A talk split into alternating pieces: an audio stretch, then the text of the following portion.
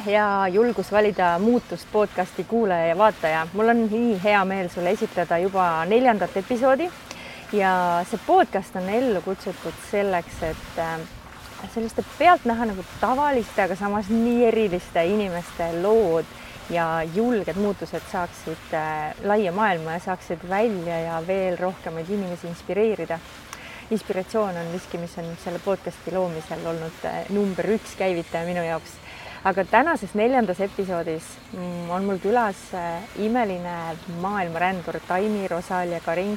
Taimi on noor naine, kes on lihtsalt äh, järginud terve oma elu oma südamekutset ja teinud julgeid otsuseid, äh, küll lõpetada töösuhted, teha valikud eraelus, sellepärast et saaks minna oma südamekutse järgi. et Taimi selline hüüdlause tänases podcastis on, et jälgi oma elevust ja see on see, mis on teda kandnud läbi kõikide nende seikluste. me räägime sellest, kuidas oma keha ja sisetunnet veelgi paremini tundma ja kuulama õppida. selleks, kuidas eh, meid mõjutab see, kuidas me seame oma piire, kas me teame, kus on meie piirid, eh, millal öelda jah, millal öelda ei ja räägime ka akrojoogast näiteks ja elust Aasias ja väga paljudest äh, põnevatest seikadest Taimi elus. nii et äh, tere tulemast kuulama ja naudi.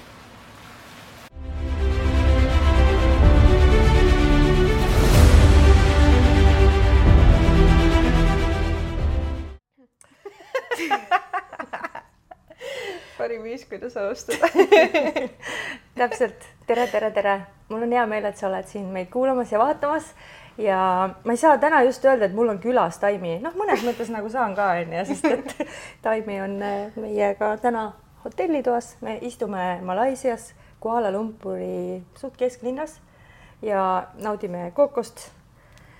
ja oleme täna tulnud kokku selleks, et rääkida julgetest äh, muutustest ja julgetest seiklustest, sest äh, Taimi on minu silmis üks üliäge maailmarändur. tere, Taimi tere, armas Liisi. see on tõesti nii tore, et sa, et sa tundsid soovi mind kutsuda oma mm -hmm. saatesse, podcast'i mm. -hmm.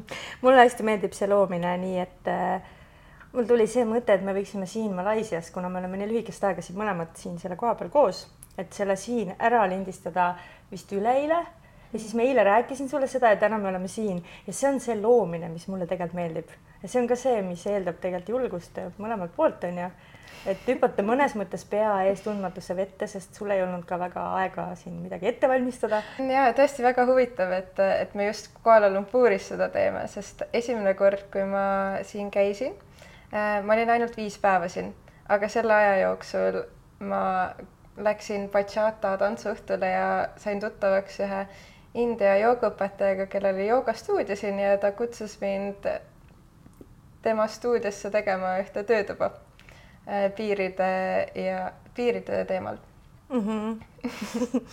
ja nüüd oled sa uuesti siin? ja nüüd olen uuesti siin ja ma olen samuti ainult mingi viis päeva olnud ja nüüd me teeme seda podcast'i siin koos nagu vau, viis päeva mm,. no sa ikka ju oled eestlane, me võime nii öelda, eks ju. võib öelda, jah. ehkki sa reisid suure osa ajast mööda maailma ringi, siis enamus inimesi vist ei vali seda, et äh, julgelt reisida teise maailma otsa selleks, et olla seal viis päeva et me nagu teeme ja planeerime, siis me oleme seal mitu nädalat mm. ja käime kõik vaatamisväärsused läbi ja et kuidas ja. sinul see, kus sa selle kerguse oled leidnud, et niiviisi ringi mm. seigelda natuke siin, natuke seal?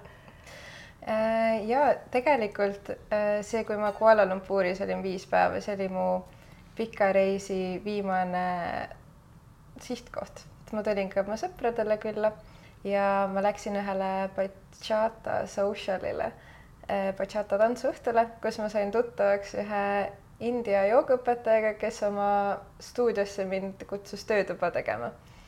Eh, ja nüüd ma olen siin teist korda ja ma olen samuti ainult viis päeva olnud, aga selle ajaga ma olen juba jõudnud oma sõprade pulmas Brasiilia ja Hiina kombos teha pulmadekoratsioone wow. ja nüüd me teeme podcast'i siin, nii et väga tegusad viis päeva uuesti oh aga hakkame arutama seda lugu otsast, et mm. kuidas sa jõudsid sinna, et sa eile, üleeile tegid äh, Malaisias toimuvas Hiina, Brasiilia pulmas dekoratsioone. kui sa mõtled oma elu peale tagasi, et mis on selline võib-olla esine, esimene selline nagu julge tegu või võib-olla pisut pöörane tegu, mis sul üldse meelde tuleb oma elust hmm. miskipärast mulle tuli kohe see pilt silme ette, et kui ma töötasin äh, vanglamuuseumis ja ma sain tuttavaks seal ühe Saksamaalt pärit paariga, kellega me läksime droone lennutama õhtul ja siis ja siis nad ühtlasi kutsusid mind oma karavaniga sõitma Lätti. nii et ma järgmisel päeval läksin nendega Lätti koos karavaniga. ja see kohtumine toimus Eestis? Eestis jah mm., Tallinnas täpsemalt kui ma kuulan seda lugu, mis sa just rääkisid, siis see kõlab nagu kellegi unenägu noh, sinu jaoks võib-olla mitte, et on, on sinu elus päriselt toimunud sündmus, aga, aga mulle tundub, kui ma kuulan ja vaatan sind ja nii palju, kui ma sind tundnud olen mõne aasta, siis et, et sa lihtsalt nagu seikledki vabalt ringi ja lubad endal valida nagu kuidagi tunda järgi seda, seda elu ja neid kogemusi, et mm -hmm. oled sa alati selline olnud? sest ma nüüd, mul tuli kohe selle peale see lause, lause järgi oma elevust, mis äh, mul on nüüd, äh, kui ma septembris USA-s esimest korda käisin Colorados, et siis oli see selline põhiteemaks sai ja mul olid väga ägedad äh, ka spirituaalsed kogemused sellega seal. aga nüüd, kui sa seda küsisid, siis mulle jõudis kohale, et ma olen, ma olen seda juba teismelisest saati teinud, et siis, kui ma nende sakslastega tuttavaks sain, siis ma olin kaheksateist, üheksateist ja juba siis see tundus, oo, see tundub põnev, teeme, miks mitte, muidugi ja selline elu jaatav usaldus mm. -hmm. sa tõid juba välja nii suure teema siia kui usaldus. kas, kuidas sul on hirmudega suhe, minneski niimoodi poolvõõraste inimestega kuskile seiklusele kaasa, et kas sa tunned sa hirmu ka mingite asjade ees või on see miski, mis üldse sinu reaalsusesse nagu ei kuulu?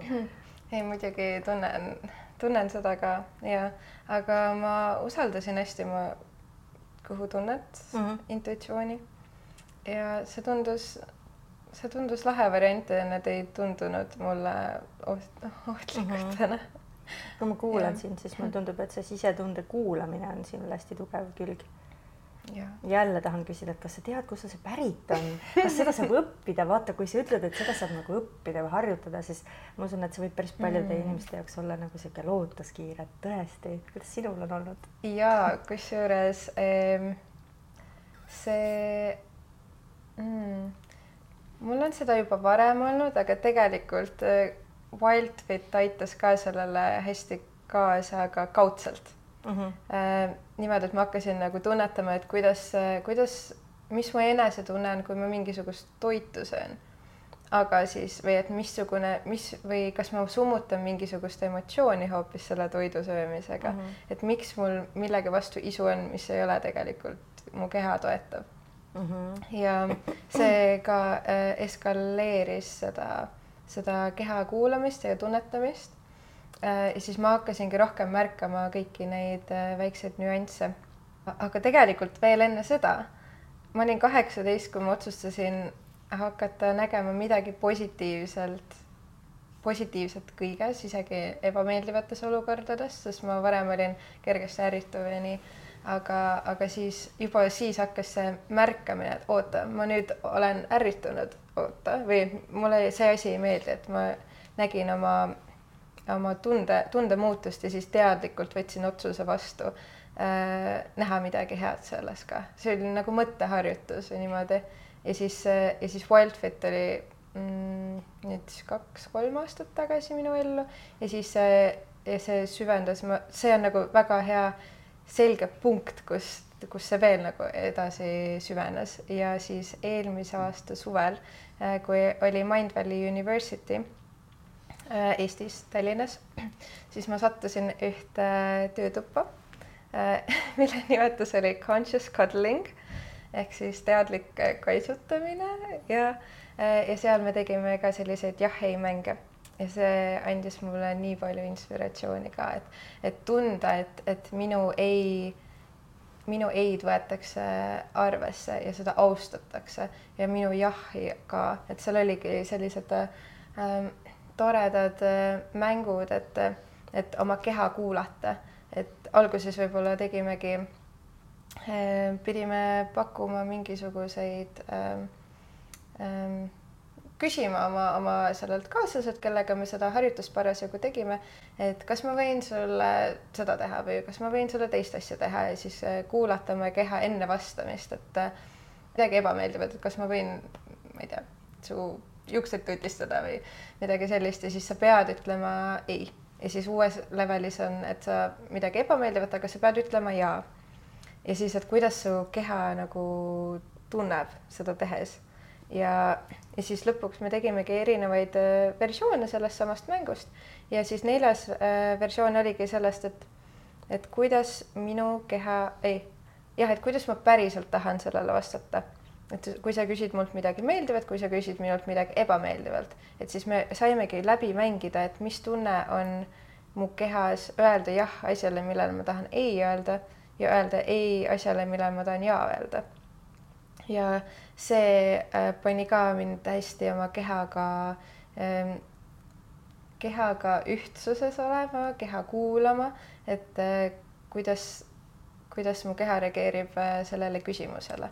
Et kas ma lähen nagu pingesse, et siis see tähendab ei või kui ma, see nagu on selline südant avav või nagu tekitab elevust, siis see on nagu jaa minu jaoks, et äh, sellised igasugused sellised mängud äh, ongi mängulised harjutused, mille kaudu saab seda kõike oma elusse rohkem tuua, et see on nagu üks, üks väga hea tööriist, mida ma olen viimase aasta jooksul hästi palju kasutanud ja teistele ka jaganud.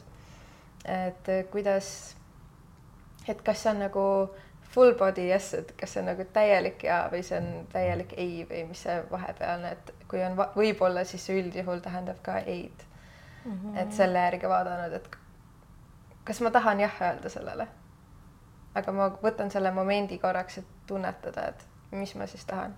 et sa ütlesid, et sa olid kaheksateist, kui sul tuli esimest korda see mõttemäng, et hakata siis harjutama seda, et kui sul on negatiivne emotsioon või noh mm -hmm., siis nii-öelda negatiivne onju, et et sa proovid selles leida midagi head.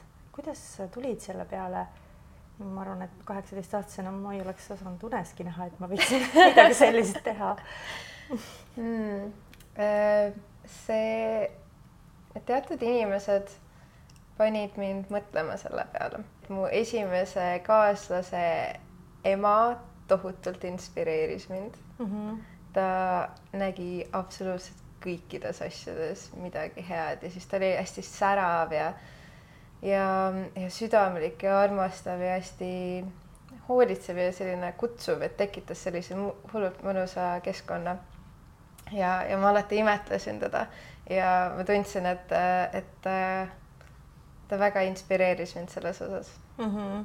ülivinge kas selle jah ja ei juurde tagasi, et, et miks see on nii oluline, kuidas sina seda näed, miks on oluline just kuulata seda keha ja valida iseennast versus see, et me teeme tihti asju selleks, et kellelgi oleks parem või lihtsam või jättes ennast tahaplaanile miks see sinu jaoks on olnud nii hmm. oluline, et sa oled valinud seda päriselt oma ellu rakendada?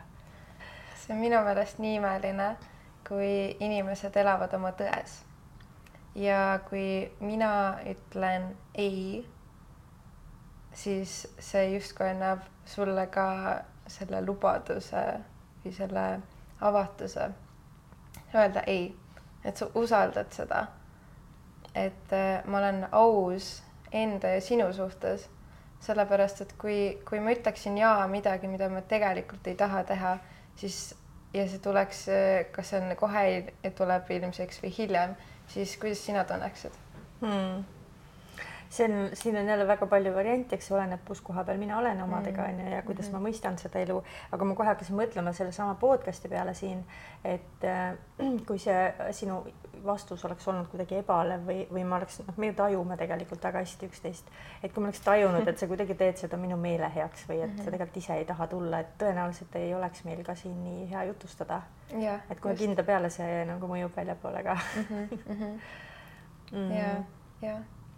Ja, mulle, mulle tohutult meeldib, kui inimesed julgevad öelda ei, kui nad päriselt mõtlevad ei, sest see äh, see on hoopis teine energia, mis seal on, et kui ma tahan minna kuhugi, noh, ma ei tea, kasvõi mingile tantsuõhtule ja ma kutsun kellegi kaasa ja ta tegelikult ei taha minna, siis mm, siis mul ei ole ka seal, mul oleks võib-olla üksi seal palju lõbusam olla mm. -hmm. et äh, kui, kui see, et on kaaslane, kelle üle ma pean nagu, äh, kelle üle ma pean muretsema, et kas tal on ikka hästi, kas ta ikka naudib ja siis, ja siis mina ei saa seda kogemust, mida mina tahaksin ja tema ka ei naudi oma olemist seal mm. -hmm.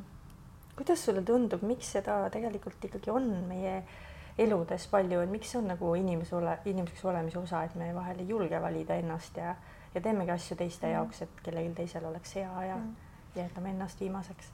Ja ma arvan, et mm, kui ma nüüd võin vastata seda selle jah, ei teema külje pealt, siis, siis või piiride külje pealt täpsemalt mm, -hmm. et siis inimesed ei sea oma piire minu arvates sellepärast, et esiteks Äh, kas nad ei tea, mis nende piirid on või siis teiseks äh, nad teavad, aga nad ei julge.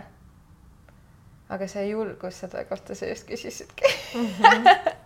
et just see, see nõuab julgust, sest äh, tihti ma olen kogenud ja märganud, et neid äh, kuidagi see lähedaste heaolu ja mida teised arvavad, ikkagi kipub huvitama nii palju, et mm, -hmm. et selle arvelt me teeme neid otsuseid, mis teinekord ei ole enna, ennast toetavad mm. -hmm. ja, ja ma ei tea, kuidas sulle tundub, et eks seal taga on see, et oht tegelikult, mida inimesed tajuvad justkui hirm kaotada neid lähedasi, et nad siis keeravad mm -hmm. selja, kui me ei tee nii, nagu meie tahame, et kuidas sinu elus on sellised kogemused olnud mm? -hmm aga kas me üldse tahame enda ellu selliseid inimesi, kes ei, ei taha meid armastada kõikides meie külgedes mm, -hmm. ei austa meid äh,, meie piire, meie soove, meie vajadusi. eks see muidugi võib keeruline olla, aga, aga ma olen väga palju hakanud oma inimesi oma ümber sõeluma mm. -hmm.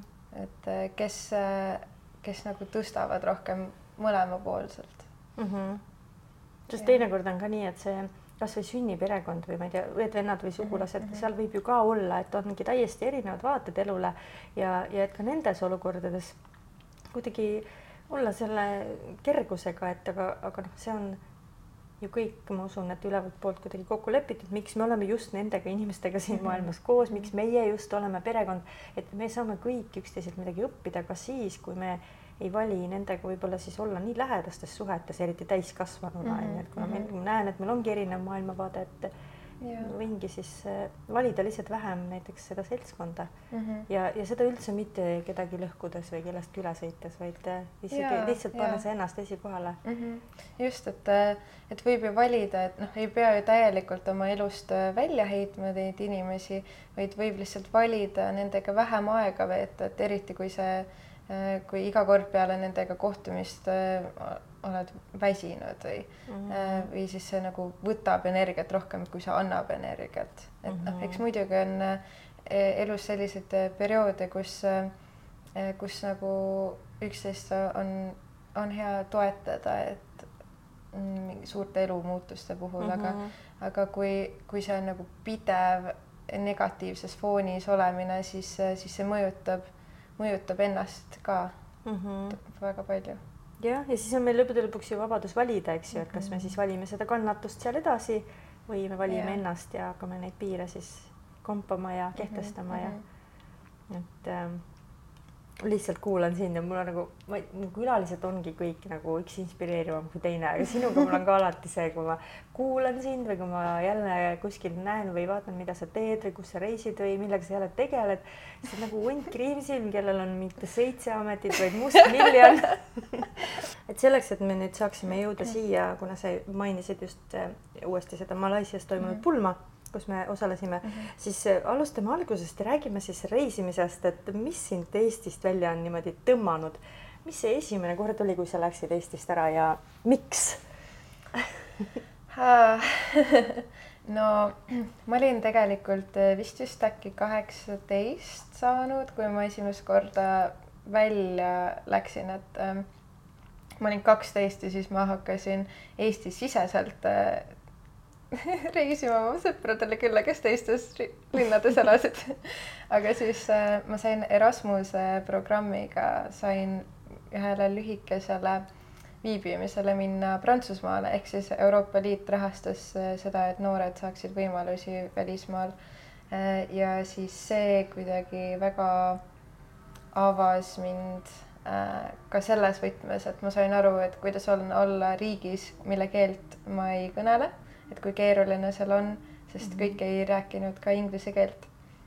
ja siis, kui ma taga, et juba see kolm-neli-viis päeva olin seal ja juba see avas mind nii palju, et kui ma Eestisse tagasi jõudsin, siis ma olin väga sihikindel selles, et äh, kui oli seal mm, äh, koosviibimisel mõni välismaalane, et siis kõik, innustasin kõiki rääkima inglise keeles, ehk siis see inimene ei tunneks ennast väljajäetuna mm.. Et see oli selline esimene välismaa kogemus, noh, kui välja jätta Rootsi kruiis ja mingi klassiekskursioon Soomes, eks mm. -hmm. Ähm, aga, aga ma olin ja üheksateist, ma olin just keskkooli lõpetanud ja siis mõni kuu hiljem ma sain võimaluse äh,, mind kutsuti Londonisse tööle ja siis läksingi mm -hmm. pooleldi teadmatusse ja ma teadsin ühte inimest sealt, nii et mm. -hmm. sellest, sellest piisas onju aga julgus minna võõrasse riiki, võõrasse linna, minna tööle võõras keeles.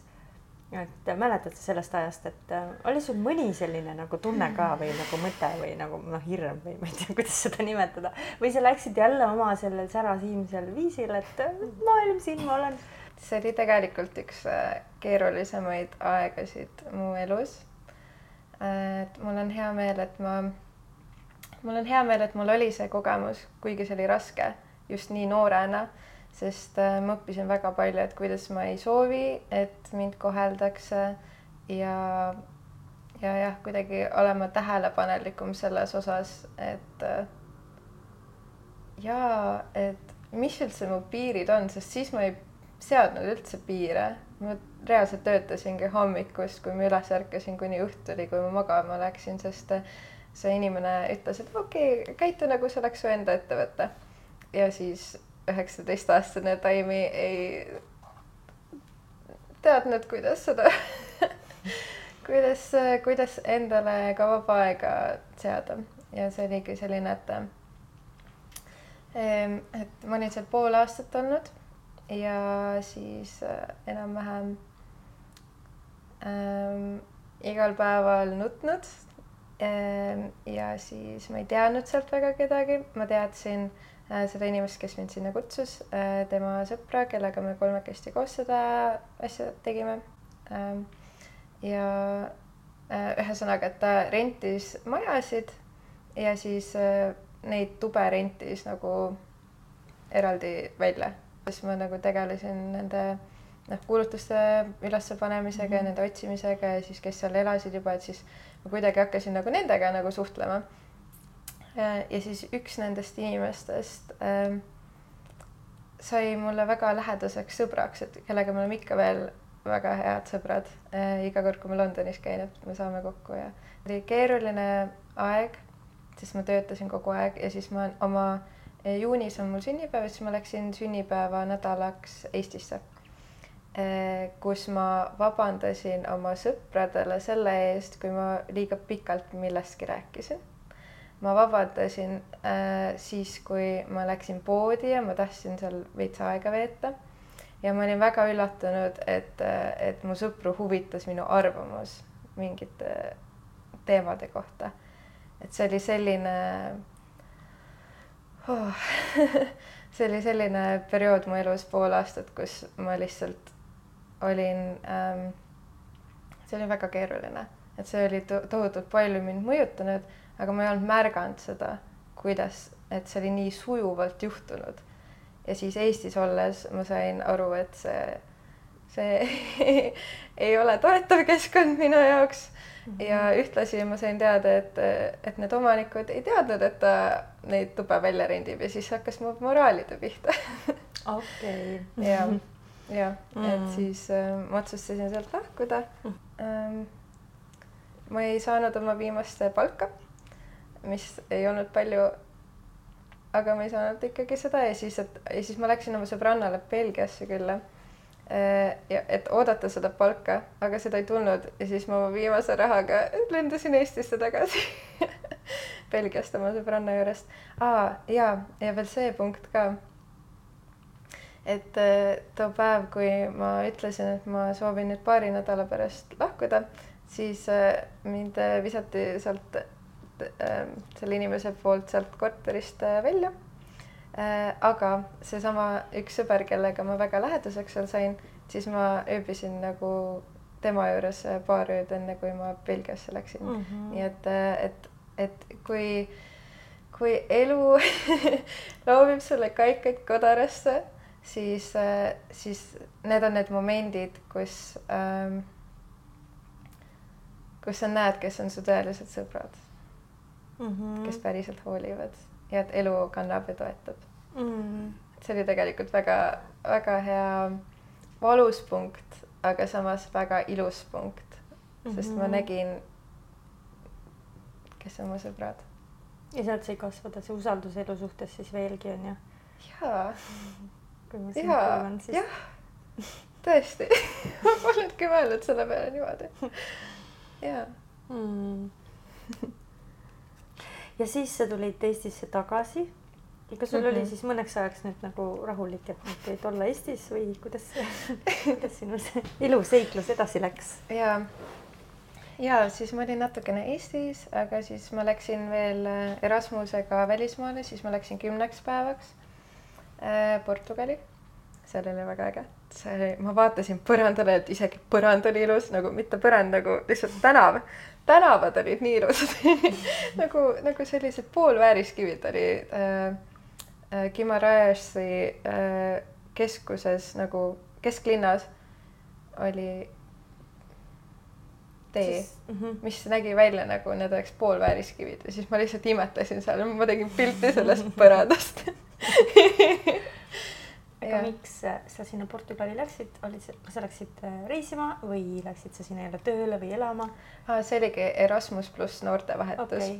äkki sellest ka? ja et sellega, see ongi, et, et äh, selline aktiivne noortegrupp kirjutab projekti äh, ja siis saadab Euroopa mm, sinna Erasmuse komisjoni Äh, ja siis, kui neile meeldib see projekt, siis saab Euroopalt rahastust. See tähendab seda et, ähm, et kogu majutus on tasustatud juba, et mm -hmm. Euroopa poolt nagu makstud siis kõik äh, tegevused, kõik toit ja isegi lennupiletite eest saad raha tagasi mm. -hmm. teatud äh, summas, et kui sa seda summat ei ületa, siis sa ei pea mitte midagi ise maksma mm. -hmm. Ähm, jah, kui siis väike osalustasu paarkümmend eurot või niimoodi mm, -hmm. et oleneb äh, sellest grupist. aga, aga ja et, et kui ma esimest korda kuulsin, siis kui ma Prantsusmaale läksin, siis ma kuulsin esimest korda üldse sellistest äh, võimalustest, mul polnud õrna aimugi. et seda saab teha kaheksateist kuni kolmekümne aastased ja siis üle kolmekümne aastased saavad grupijuhtidena minna. Äh, aga ja siis seal Portugalis olles äh, olidki kuuest erinevast riigist noored koos Mm -hmm. ja juba see, et nagu nii paljudes kultuurides, siis sai enda kultuurist rääkida ka, vaadata, mis on sarnasused, mis on erinevused. see oli ka kunstiteemaline tegelikult, art mm -hmm. in action ehk siis me tegime ähm, äh, kasutatud rattaid värvisime ilusaks, et siis need läheksid äh, lastele, kellel ei ole võimalust endale ratast näiteks osta ja siis seal oli mm -hmm. üks park pimedate jaoks äh,, kus me panime ka erinevaid äh, neid mm, helikellakesi ja niimoodi ja, ja sihuke mm -hmm. vägev kogemus ja kusjuures seal ma proovisin akrojoogat esimest korda mm. -hmm. üks äh, mu üks väga-väga armas äh, sõbranna, et tema, no seal me saimegi tuttavaks tegelikult ja tema oli üsna uus akrojoogas ja miskipärast esimest korda mina proovisin, ta teadis, et ma esimest korda proovin, aga kuidagi ma lõpetasin seistes tema õlgade peal, kui tema seisis mm. -hmm. et too, too high on selle nimetus nagu, et üks inimene seisab, teine inimene seisab selle esimese inimese õlgade peal mm -hmm. ja siis ma mhm. nagu, kuidas ma siin olen, mis toimub et tõenäoliselt seda ei tehta esimesel korral võib-olla jah, seda tahtsid üldiselt mitte aga räägi siia vahele, kui see akrojooga meil juba sisse lipsas, et äh, sa mhm. tegeled sellega praegu ka mm. -hmm. mis see täpsemalt on ja, ja mis sind paelub selle juures? Mulle tohutult meeldib akrojooga, see pakub, see annab mulle nii palju rõõmu. et ma aastaid äh, polnud sellega üldse tegelenud, aga kui ma nüüd äh, Taisse läksin eelmine aasta mm, -hmm. siis äh, seal on erinevad, seal oli paar inimest, kes sellega tegelesid ja nad küsisid, kas ma tahan ka proovida ja mängida nendega. ja siis ma täielikult sulasin sellesse jälle ja ma sain täieliku, ah, mu süda avanes nii palju selle sinna mm -hmm. nagu ah imeline, aga see ongi selline akrobaatiline jooga. et sa pead, sa teed seda vähemalt ühe inimesega. saab ka grupi mingisuguseid aktiviteete teha koos mm. -hmm. aga, aga ja mulle nii meeldib see, et see õpetab hästi seda tiimitunnetust ja, ja tasakaalu mm. -hmm. ja seda on hästi lõbus, et see on selline sport, kus ei pane tähele, et, et, et sa teed trenni ja kui ma täis olin ja siis äh, seal olid erinevad inimesed, kes tegelesid äh, akrojoogaga. ja siis ma sain nendega natuke mängida ja nagu teha neid harjutusi ja niimoodi, et ma õppisin hästi palju, õppisingi tasakaalu ja usaldama mm -hmm. teist inimest äh, ja, ja sellist koostööd ja, ja julgust kohati ka, aga ma tund-, mulle tundus, et ma usaldasin seda inimest nii palju, et mul ei olnud julgust otseselt vaja. lihtsalt mm -hmm. harjutada oli vaja, et kuidas oma keha hoida nagu sirgena, et, et teha neid äh, erinevaid harjutusi, et, et ma ei oleks nagu, et ma oleks nagu hoitud, et mu keha oleks hoitud mm. -hmm. ei ole lihtsalt lõitse, vaid aga see teine inimene on ju ka algaja või kuidas Te,? tema parasjagu ei olnud algaja. okei okay., sest ma mõtlen jälle. aga algajad peale... saavad ka teha mm. -hmm. Mm -hmm. mina olen selline paras jänespüks olnud elus, olles õppinud seda usaldamise asja, siis äh, mul oleks küll see, et oh, aga ma kukun, ma ei tea, ma kukun maha sealt õlgade pealt kuidas sa sellega nagu toime tuled või oligi sul usaldus nii suur, et sul ei tulnudki need mõtted üldse pähe? no üldiselt ei ole see õlgade peal seismine esimene asi, mida sa teed aga, aga tegelikult on ähm, tehakse ka, on äh, kolmas roll ka, et ehk siis see inimene, kes jälgib, et sa ei kukuks mm. -hmm. et ongi, et ta hoiab su, ta on lähe, lähedal su kehale, aga ta ei puuduta, äh, kui sa just kukkuma ei hakka mm. -hmm. ja siis annab ka sellist nagu turvatunnet tegelikult sinna juurde mm, -hmm. eriti, eriti alguses kui nüüd praegu keegi kuuleb ja tunneb hullult tõmmet, et kus, kas Eestis saab seda kuskil teha ka või? muidugi täiega ja. palju ja e, Tartus saab teha uh, -huh. Kristin Juurmaaga võib ühendust võtta, tema oligi see armas inimene, kes mulle näitas esimesi akrosamme uh -huh. kõik need aastad tagasi, et tal on Tartus on Tartus Tartus mm -hmm, teeb tunde mm -hmm. ja džämmid on ka seal, Tartus on mega mõnus kogukond, ka akrotajaid ja Tallinnas äh, on ka erinevad inimesed, kes teevad, et ähm, äh, Aurora Yoga stuudios näiteks saab tunde mm -hmm. võtta ja Uku, Uku Akro teeb ka džämme hästi palju Mm -hmm. et mulle Tallinnas saad... käisingi, olengi käinud nendega džämmimas ka. sa saad lihtsalt minna uksest sisse ja öelda, et nii, siin ma olen, ma tahan proovida. ja, ja ah,. Yes. täiega oh, wow et hästi-hästi äh, avatud kogukond on, sest noh, see on nagu füüsiline puudutus ikkagist, et siis mm -hmm. peale, et see äh, lõhub äh, jää juba ära, et peale seda on nii kerge suhelda ja rääkida ükskõik mis asjadest, et hästi avatud kogukond on, kes kutsub, kutsub oma ringi mm. -hmm. Et ma... kes kogukonda otsib endale ja, ja kui ma kuulan sind, ma tahangi tulla selle kogukonna teema juurde, sest mulle tundub, et sinu jaoks on hästi oluline alati, et sul oleks see kogukond ümber, need inimesed mm -hmm. ümber. mis, mis see täidab sinu elus, mis rolli see kogukond, miks see nii oluline on hmm.? see, seda ma avastasin hästi palju, kui ma eelmine talv käisin pikalt Aasias esimest korda et äh, ma avastasin, mis on reis, et mis see reisimine minu jaoks on, et mind ei huvita need äh, linnad või noh, suurlinnad just või sellised nagu ma ei tea, ehitised või vaatamisväärsused, no need on toredad muidugi, aga minu jaoks kõige-kõige olulisem on kommuun, kogukond, need, need kaaslased, need inimesed, kellega ma saan nagu suhelda seal, kes äh, ma täiega usun seda, et minul on sõnum nende inimeste jaoks, kellega ma ühendun ja siis äh, neil on sõnum minu jaoks ka, et meil on, meie ülesanne on lihtsalt seda, seda märgata ja seda, seda näha ja kogeda ja rääkida mm. -hmm. ja, ja sul on, on sul ka lihtne, kas ma saan õigesti aru, et sul on lihtne tegelikult äh, tuttavaks saada inimestega, ükskõik kus maailma nurgas või milliste inimestega? Äh, võib öelda küll niimoodi mm,. ma võib-olla ei ütleks ükskõik milliste inimestega, sest ma olen äh, üsna valivaks muutunud oma inimeste suhtes.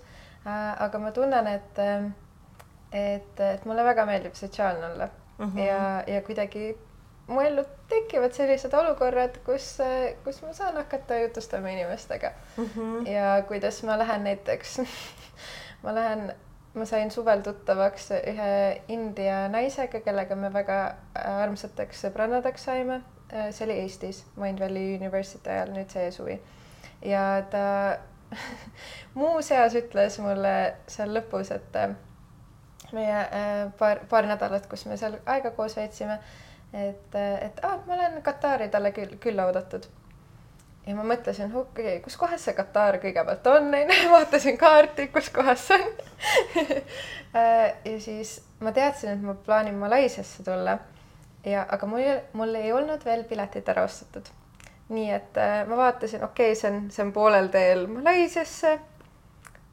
mis kuupäevad sulle sobiksid et kas oktoobris oled seal, et äh, mul on, mul on plaanis äh, sõprade pulma oktoobri lõpus siin tulla ja siis ta lihtsalt ütles, et jah, tule. ja sa käisid Kataris? ja, ma olin nädal aega tal külas ja seal näiteks ma läksin, samamoodi ma tunnen, et kõik tantsud ja nii tantsud kui akrooga on mhm. sellised rahvusvahelised keeled, mida saab ükskõik kus äh, rääkida mm. -hmm. et ma olengi iga kord, kui ma mingisse uude kohta nüüd lähen, noh näiteks viimase poole aasta jooksul, et ma otsin üles kas ekstaatilised tantsud või siis äh, bachatat või suuki või akrojoogat. Äh, ja siis ma lähen sellele sündmusele ja sealt ma saangi juba kohaliku kogukonnaga tuttavaks saada Mm -hmm. et selline ülihea häkk. -hmm. nüüd ma tahtsin just küsida sinu käest, et, et mis nõu sa nagu annaksid näiteks inimesele, kes ei oska võõrastega millestki rääkida? aa, mul on väga head äh, kaks küsimust nii äh,, esimene küsimus on äh, mis on kolm asja, mille üle sa täna tänulik oled olnud või siis äh, kolm asja, mis sind on õnnelikuks teinud, noh, enam-vähem seesama ja teine küsimus, mis, mille osas sa kirglik oled mm? -hmm. et need on sellised väga head äh, vestlusalgatajad mm -hmm. minu jaoks okei okay,, aga sa ei saa ju, kuidas see nagu algus on, et ütleme, et me seisame, mul oli just hiljuti siuke olukord, mina olen täpselt selline inimene, et mm -hmm. mul on osade inimestega väga lihtne mm -hmm. nagu mhm, kohe mm -hmm. suhelda, aga osad on see, et ma, nagu, ei oskagi millestki rääkida mm. -hmm. ja minu jaoks ei tule kõne alla see small talk, mis on ilmast mm -hmm. või ma ei tea, kuidas see kohvitass sulle mm -hmm. meeldib, no ei, onju, see on lihtsalt mm -hmm. nii nagu tühi, onju. ja, ja ma just ühel sündmusel sattusin arutama ühe inimesega, kellega me seisime kõrvuti ja meil oli mõlemal see koht, et ja ta ütleski lõpuks, et ma ei tea, kas ma peaksin sulle midagi ütlema kuidagi nii, et, et noh, et see mul oli sama nagu see, et yeah., et kõik suhtlevad omavahel siis mul nagu, okei okay.. ühesõnaga, kuhu ma tahan jõuda, on selle küsimusega on see, et see ei ole ju algus, et ma seisan sinuga kuskil kohvilaua ääres ja siis ma järsku ütlen, et aa näe, mis su kiri, mis su kirik on. millest sa algust teed hmm.? sa võid teiega teha praegu sellist algajate koolitust kusjuures äh, mul on väga hiljuti üks selline kogemus, et kui ma olingi seal Kataris äh, ja siis ma läksin ma läksin äh,, okei okay,, see sõbranna, kellele ma külla läksin, ta on piloot. Ja siis äh, tal ei olnud parasjagu väga sotsiaalset tuju, aga mul oli.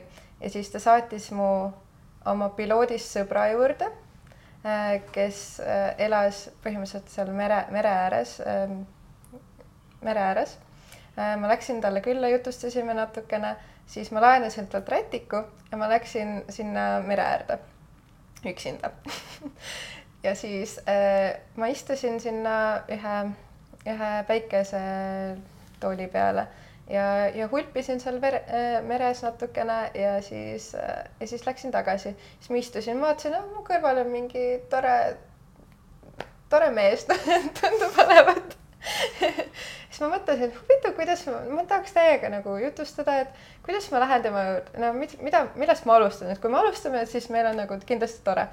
aga et millest ma alustada võiksin, et ma ju ei tea ka, et mis eesmärgil tema sinna läks, et äkki tahab lihtsalt omaette olla või mediteerida või mis iganes. ja siis ma mõtlesin välja sellise küsimuse, et sellise mõtte, et kuidas alustada, et et ma tahaks äh, sotsiaalset eksperimenti teha, et et kas, kas sa oled, kas sa oled nõus ühele mu küsimusele vastama ja siis mu küsimus oli selline, et et kas on mingisugune teema sinu elus praegu või mingi küsimus, millele sa vastust otsid või, või lahendust otsid. ja siis ta nagu päriselt jäi mõttesse, et nagu ei, mul on päris, päris hea elu praegu, et aga nagu sealt sai see jutt kõik alguse, ta andis mulle soovitusi, et noh, et Kataris, et välismaalastega on okei okay,, aga nagu võib-olla tasub natuke ettevaatlikum olla, et noh, ei tea, kellega sa nagu suhtlema lähed ja niimoodi. aga selle, selle vestluse käigus me jõudsime rääkida veel ähm,, bondida selle üle, et, et meie mõlema vanemad on näiteks juba oma füüli, füüsilistest kehadest lahkunud, et, et noh, selline hästi mõnus nagu inimlik suhtlus mm. -hmm. Et... kas seal taga on tegelikult ka see jälle see usaldus, et vahet ei ole, mis sealt vastu tuleb, onju. Mhm. et kui teisel ei ole seda kohta suhelda, siis mm -hmm. see on ka okei okay. yeah,. Yeah. et sa ilmselt ei tunne ennast halvasti, kui peaks olema selline, kus keegi ütleb sulle, tahagi sinuga üldse rääkida. ja, ja ma läksingi sellise suhtumisega, et, et kui ta soovib minuga suhelda, siis see on väga tore, meil saab väga tore olema. aga, aga kui ta tunneb, et noh, ma läksingi selle sellise kohaga, et, et ma ju ei tea, mis tema situatsioon on kui tema parasjagu ei soovi, siis ma ei võta seda isiklikult mm, -hmm. et ma lähen, kas räägin kellegi teisega või siis äh, või siis teen oma mingisugust uut asja edasi, et see ongi nagu see katsetus, et nagu ähm, nagu selline, selline mäng, et okei okay,, et aa, ma, ma kõnnin siin, kas ma saan sinna minna, kui ma saan, okei okay,, ma lähen vaatan, mis seal on. kui uks on kinni, siis ma lähen mujale. Ja see on kogu aeg sinuga, on ju, või sa teed iga kord mõtled selle peale enne, et teed taotlusi, et nüüd võiks olla nii ja või see on kuidagi nagu loomulikult sind saadab? see voolab mm -hmm. üsna palju ja üliäge.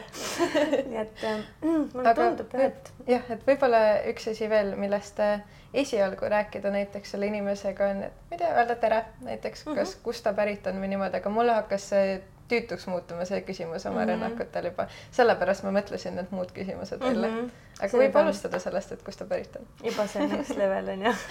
ja, ja, et miks ta seal parasjagu on mm. -hmm. et kui mõelda, et kas selle inimesega suhtlema minna või mitte, siis see on, seda võib ka mõelda kui mänguna mm, -hmm. et, et kas see nagu, kas ma tahan ju teada, et kas sellel inimesel on mulle mingisugune sõnum või nagu sellist nagu, nagu sibulat kooris või nagu mm -hmm. roosi, roosinupukest avada, et huvitav, mis seal, mis kink seal sees võib olla või äkki mul talle hoopis mingi kink, mis tal just väga oli vaja kuulda mm. -hmm. ja et kuidagi selline hästi mänguliselt mm -hmm. läheneda sellele. see oli väga-väga hea häkk ja see tuletab mulle meelde juhuse, kus ma sel suvel Tony Robbinsi koolitusel, ma esimest korda sattusin sinna mm, -hmm. see kõik hüppavad seal onju, siis mul oli esimene päev nagu, et mina küll ei hüppa siin noh, ma teadsin, et see võtabki aega, et avaneda mm. ja siis mulle seal ka tegelikult üks äh, tore sõbranna soovitas, et aga võta seda kui mängu, et tegelikult see on nii oluline, et mul on tegelikult mm. olemas see teadmine, et elu on mäng mm.,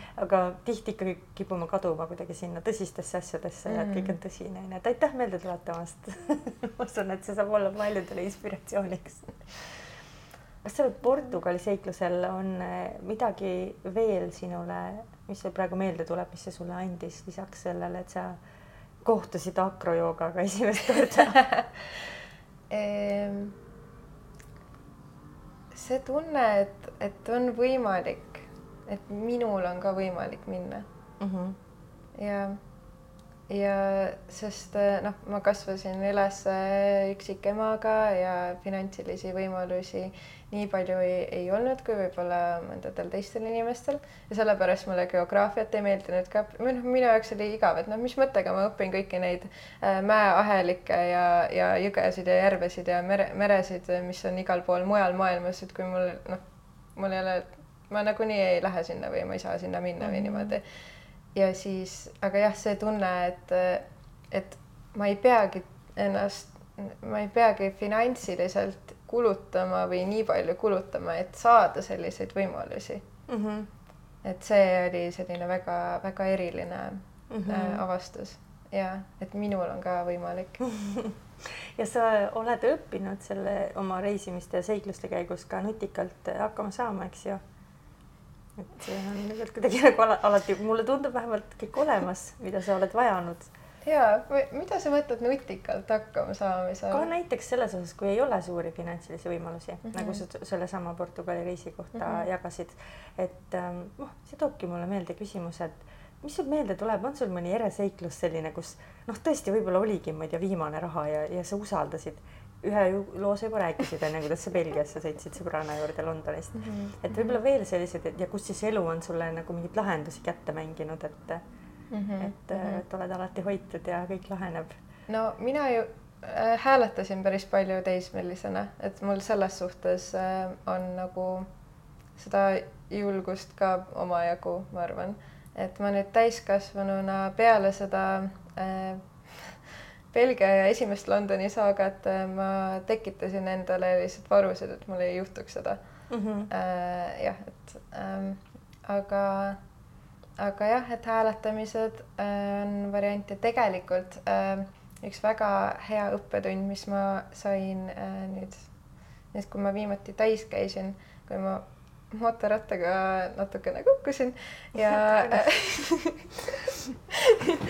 ja olin kõrkudel äh, nädal aega ja paar nädalat veel lonkasin ja ei saanud väga jalale toetada ja niimoodi oli see abi kohta. Mm.. Ähm, oli nagu kaks mõtet, et üks armas Iisraeli sõbranna ütles, et noh, tollel hetkel ta veel ei olnud, ta oli mulle nagu üsna uus inimene, aga aga tollel õhtul meist said nagu kuidagi väga-väga lähedased sõbrannad ka, et ta ütles mulle nii ilusasti, et et abi vastuvõtmine on nagu armastuse vastuvõtmine. miks ei tahaks armastust vastu võtta? ja see on üks lause, mis mind jääb kandma. ja teine lause äh, sealsamas Pai külastais oli ühe teise naise poolt ja ta ütles, et parim kink, mida sa saad teha kellelegi, on lubada tal ennast aidata mm. -hmm. nii et äh, ma usun, et kui tekibki mingisugune selline finantsiline kriis, siis on inimesi, kes soovivad sulle head, kes tahavad sind aidata mm. -hmm. ja sealt tuleb ja. ka julgus abi küsida, eks mm. -hmm. kuidas sul sellega enne neid lauseid oli lugu? no keeruline sellepärast et äh, mulle meeldis, mulle meeldis tohutult olla aktiivne ja ma käisin tantsimas mingi kolm-neli korda nädalas ja, ja olin hästi sotsiaalne niimoodi, aga peale seda õnnetust ma pidin olema tubane mm -hmm. ja üsna omaette rohkem ja mitte nii sotsiaalne olema, sest ma olin nagu katki ka natukene nagu noh, nahk oli katki mm. -hmm. ja siis ma nagu kuidagi võpatasin iga kord, kui inimene mulle kogemata läks nagu pihta ja nagu haiget tegi, mitte meelega. aga siis see pani mind nagu tunnetama, et okei okay,, et, et olema rahul sellega, mis situatsioonis ma praegu olen, mitte sellega, et kus ma tahaksin olla mm. -hmm. et kui ma ei saa seda olukorda muuta praegu, siis, siis äh, nagu sellega leppida ja leida leida midagi positiivset sealt mm. -hmm. ikka jälle seesama koht on ju, et ja. leida midagi positiivset. ja et näiteks eh, kui ma ei oleks kukkunud, siis ma ei oleks nii, nii olulisi sõnumeid saanud oma ellu mm. -hmm. ja, ja siis see õpetas ka vastu võtma seda abi ja ka küsima abi, sest ma ei saanud ju, mul oli mul oli nii hea meel, et mul olid sellised inimesed ümber tekkinud, äh, kes, kes olid nõus mind toetama sellel teekonnal ja, ja tooma mulle süüa ja siis nagu, et ma küsiksin ka, et okei okay,, ma soovin seda, kas sa saaksid mulle seda palun tuua ja et see oli selline väga õpetlik kogemus ja mul on hea meel, et see ei pidanud nii ränk olema, et see mm, -hmm. et, et, et jõuda nendele õppetundidele. Aga ma sain ka sellest aru, et, et ma ei ole väga julgenud nagu või tahtnud küsida abi mm, -hmm. sest ma olen tahtnud nagu ise hakkama saada ja ma olen tahtnud iseseisev olla selles suhtes ja äh, ja, ja ühtlasi ka see, et äh, see on tegelikult ka, mida ma ühel retriidil sain aru, et põhjus, miks ma ei ole küsinud äh, midagi inimestelt, on see, et hmm, et, et mul ema alati ütles jaa asjadele, mida ma küsisin ja ma hakkasin ennast piirama sellega, et ma ei küsi talt nii palju. sest ma ei tahtnud teda eba, ebamugavasse olukorda panna. et ma ei usaldanud seda, et tema mingisuguseid piire endale seab, sest ma ei taha ja, ja endale ebamugavaks seda olukorda teeks mm. -hmm. ja mhm. siis ma hakkasin ennast nagu piirama.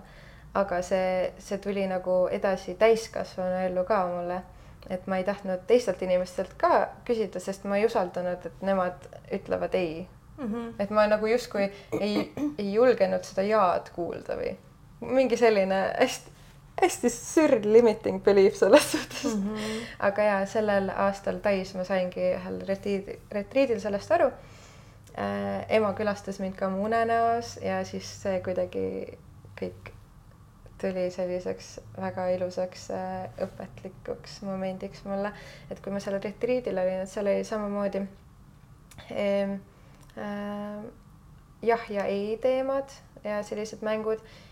Ja seal oli üks mäng, kus me pidime, et üks inimene pidi ütlema anna mulle. Ja teine inimene pidi ütlema ei, et ükskõik mida ta noh, noh, see oli mäng lihtsalt niimoodi. Ja siis pärast vahetasid aga mul oli nii raske isegi nagu välja saada seda lauset anna mulle, mul nagu pisarad juba voolasid ja mul lihtsalt, mul oli nii raske seda teha, aga ja siis selle mängu käigus ma nagu tundsingi, et okei okay,, ma nüüd nagu, ma nagu ütlesin seda, oo, et ma olen nagu nii uhke enda üle, et ma nagu ütlesin seda, anna mulle, see on nii lihtne. ja, ja siis ma selle nädalavahetuse käigus avastasin ka, et ma küsisin täiesti suvalisi asju, mis mulle pähe tulid nendelt teistelt inimestelt, kes seal, äh, kes seal olid, et äh, näiteks, et kas ma võin su nägu nagu lömastada mm. või siis, et kas ma võin lihtsalt istuda ja niimoodi, et äh, ma panen oma sõrme sinu sõrme pihta mm. -hmm. ja siis, ja siis lihtsalt nagu selline hästi mänguline. ja siis ma sain aru peale seda unenägu, et ma nende inimestega julgesin seda teha, sest ma usaldasin, et nad ütlevad ei, kui nad päriselt mõtlevad ei, nad ütlevad jaa, kui neile päriselt see sobib. ja siis mul tekkis usaldus, et, et jaa, et kui mina ütlen ei, siis ma annan teisele võimaluse ka öelda ei. kui ma ütlen jaa ja see päriselt siiralt on, siis see on teisele inimesele ka nii, nii palju energiat tõstvam mm. -hmm kas siit tuleb nii ilusti läbi sellest jagamisest, et sa kõigepealt ikkagi valid ennast, et mina ütlen ja, ja siis see on teisele tõstev onju, et, et kuidagi siit tuleb, mul tuleb see üle ära ja tass silma ette, kui sa räägid, et su enda tass on täis ja siis sul on anda teistele ka mm.. lihtsalt läbi selle, et sa valid ennast, saad sa anda teistele ka. sain ma sinust õigesti aru? ja, ja. ülivägev. Ennast valides valid ka teisi mm. -hmm. sa tekitad teistele ka selle tunde, et nemad saavad ennast valida mm. -hmm versus see, et öelda mitte see, mida ma tahaks öelda, et tekitada teises tunnet, et mhm. noh, temal on hästi, aga noh, kuna me kiirgame niikuinii välja seda, mis päriselt on, siis tõenäoliselt tal ei ole hästi, onju. Mhm. ja see piiride teema tuleb nii mõnusasti sisse jälle siin juba teist korda, nii et see on oluline, midagi teha pole, sest meie isiklik heaolu sõltub sellest kui, kuidas me julgeme valida ennast esimesena. jaa ja ennast mm. valides me oleme ju teistele ka inspiratsiooniks, et nemad seda teeksid. Ja mõtlege, te, mõtle, kui, kui inimesed on õnnelikud end valikute üle ja oma elu üle, siis, siis see keskkond ju muutub nii palju õhulisemaks ja nii palju lõbusamaks ja siis kõik tantsivad jaa, saagu nii. ega loome seda kergust siia maailma juurde. Hmm ma jäin kohe mõtlema selle üle, et kui palju sa tegelikult reisinud oled, kas sa oled kokku lugenud, mitmes riigis sa käinud oled ähm,? mul keegi hiljuti küsis seda ja siis ma hakkasin päriselt üles kirjutama, aga nüüd ma olen paaris riigis veel juures käinud, nii et ma ei tea, äkki kahekümne kuue riigi kanti mm. -hmm. kuskil nii mm. -hmm. ja enamus Euroopas enamus Euroopas. Sa oled maininud ka päris eksootilisi riike, kaasa arvatud üks, kus me praegu oleme, siis tuleb sul meelde, on sul ka olnud sellist äh, kultuurisokki kusagil või, või sellist nagu suurt ehmatust, et nii teistmoodi on? ja, ja, ja, jah üks oli Vietnamis. seal äh, ma jõudsin oma reisikaaslastega Ho Chi Minhi ja me olime kaks tundi seal ja me otsustasime, et me peame sealt lahkuma aga see oli, see oli sellepärast, et äh, seal oli tohutult palju müra liikluses, kõik lasid signaali kogu aeg nagu justkui üldse polnud loogiline meie jaoks mm. -hmm. et me noh, teised kaks äh, reisisõpra, et äh, mu parim sõber ja siis mul hästi armas sõbranna, et nemad on ka Eestist ja siis me koos läksime sinna ja koos kogesime seda kõike. siis oligi, et nagu mis toimub aga siis, kui me ühe pika rongi sõidu ajal mingi sellised nagu, kus olid pika, noh, sellised vagunid, kus sa said magada ja niimoodi.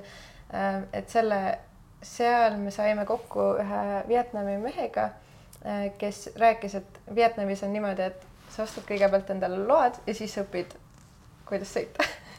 et sellepärast see tundub nagu nii ohtlik, et justkui nagu kõnnid üle tee ja siis äh, justkui nagu zebra, zebra on, sinul on foor roheline, kõnnid seal, aga nad ikka sõidavad. siis nagu mingi, tahaks ellu jääda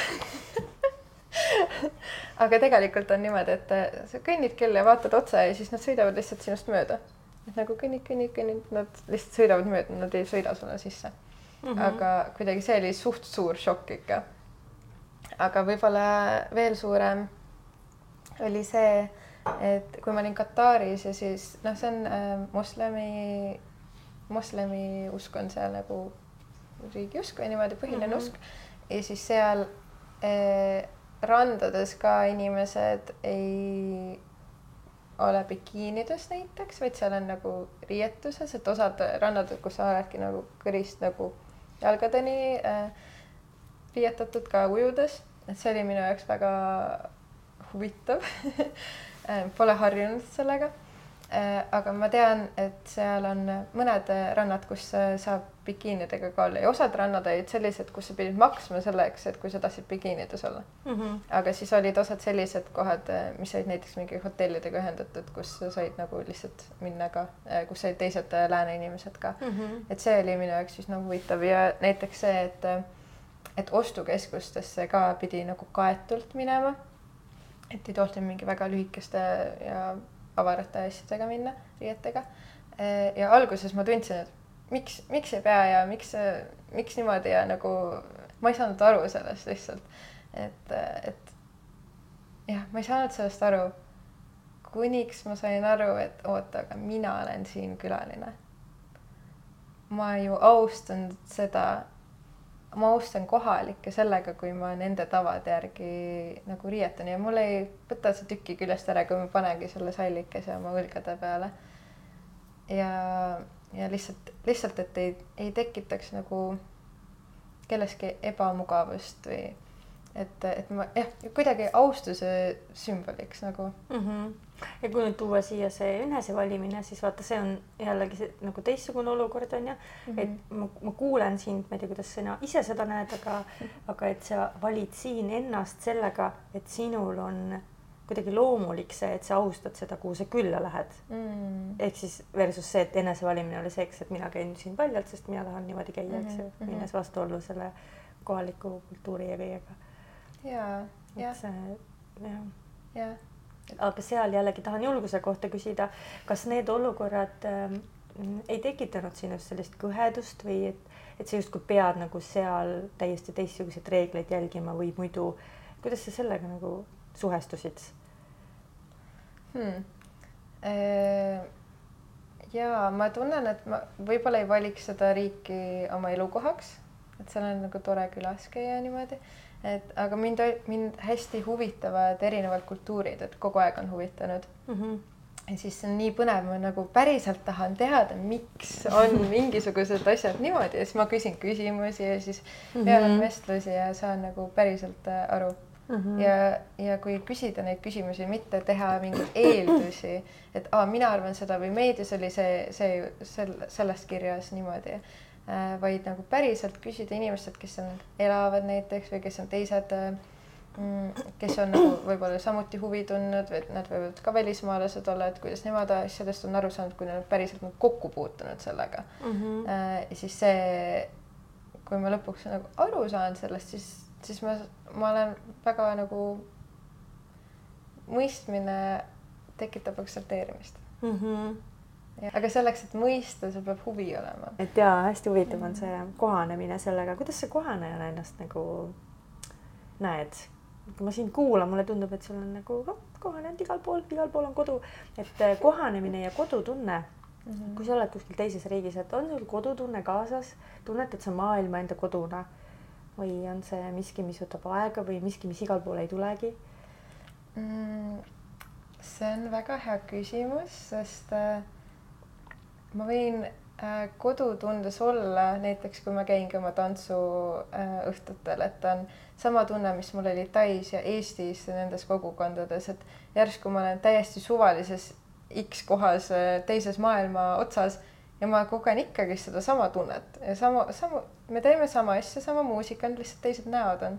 üles need sulle omased ja armsad sellised tegemised, tegevused. see, see, see tekitab sellist kodust olemist küll ja mm, -hmm. ja kui tõesti tuleb igatsus peale, siis mul on ju olemas võimalus internetti kasutada ja videokõne teha armsate sõpradega ja aga ma tunnengi, et kuna mul on nii palju äh, erinevaid sõpru üle kogu maailma, siis ma viimasel ajal olengi käinud nendel sõpradel külas mm. -hmm. ja siis seal lisaks saanud inimestega tuttavaks. kui ma Inglismaal elasin, ma neli aastat olin kokku lõpuks, et esialgu ma olin jah, seal kuskil seitse kuud, aga hiljem ma läksin uuesti tagasi.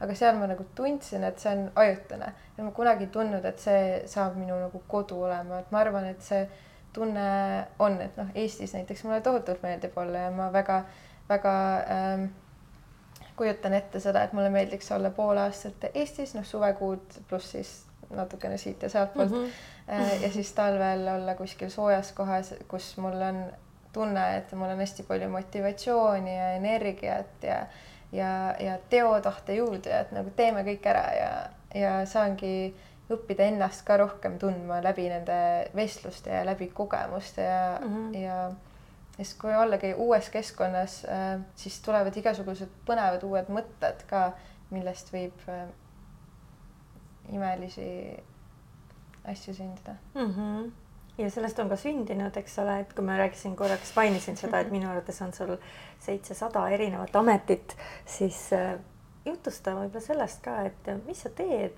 kuidas see elustiil on võimalik, et sa saad niimoodi reisides elada? kust su raha tuleb, millega sa tegeled ja mulle tundub, et sa oled nii julge, et sa vastad sellele küsimusele ära ka. vastan muidugi Äh, ja võib-olla see sai alguse sellest, et äh, ma äh, lapsepõlves või teismelisena tundsin, et ma ei taha palgapäevast palgapäevani elada, nagu mul näidis oli ees. ja, ja veel suurem selline muutuja, muutja, mõttemuutja oli see, et kui ma läksin Eestis tegema autokooli lõppastme koolitust siis äh, mind juhuslikult pandi samasse autosse ühe mehega, kes äh, Soomest oli seal, tegi samuti lõpuastme koolitust ja mulle tunduski, et ta pandi mu autosse selleks, et mulle see sõnum anda. ja see sõnum oli see, et, et tal on alati kaks tuhat eurot äh, nii-öelda mustadeks päevadeks kõrval, mida ta kunagi ei puuduta äh,. välja arvatud siis, kui nagu tõesti hädasti on nagu vaja, aga võimalikult ei puuduta ja siis see avas mu silmi nii palju, et kuidas nagu kaks tuhat eurot, nii suur summa oli, tundus minu jaoks mingi üheksateist siis onju äh,. äh, aga siis ma läksin Londonisse tagasi ja see muutis mind nii mõttelt, et ahah, ma mõtlesin, no mingi viissada eurot või niimoodi, et no päris hea vaata. Aga siis täielikult muutis see. Ja ma otsustasin, et okei okay,, noh, et kui tema, tema saab, onju, ma saan, miks mina ei peaks siis saama ja ma just sain mingi päris hea töökoha minu jaoks tollel hetkel. ma sain äkki kaks tuhat, peaaegu kaks tuhat äh, naela sain nagu kuus. Ähm, mis iseenesest ei ole nagu palju, et paljud mingid programmeerijad saavad tohutult palju rohkem ja niimoodi. Äh, ja siis ma elasin parasjagu kohas, kus ma maksin no, mingi viiesaja kanti üüri toa eest ja ma otsustasin, et okei okay,, poole aasta pärast ma tahan, et mul on mingi X summa, noh, neli tuhat või viis tuhat äh, oleks nagu kogutud. Äh, ja siis ma leidsin, elu tõi mulle võimaluse äh, minna sellisesse kohta elama, kus ma pidin väga, noh, viiesajast veel vähem maksma. ja siis ma olin, kuna ma olin selle otsuse teinud, et ma tahan selleks kuupäevaks seda summat äh, nagu kokku koguda, siis äh, ma saingi hakata, ma elasin oma niisama elu ka, et ma esiteks äh, ma käisin ikka äh, Eesti rahvatantsu tantsimas ja tegi selliseid nagu toredaid tegevusi ja ma käisin vahepeal iga kuu või iga paari kuu tagant nädalavahetuseks kuskil Euroopa linnas onju, sest Londonist olid nii odavad piletid. mõni, mõnikord sain mingi paarikümne euroga pileti. Äh, ja siis äh, ma tegin kõiki neid asju, aga samas ma kogusin ka mm. -hmm.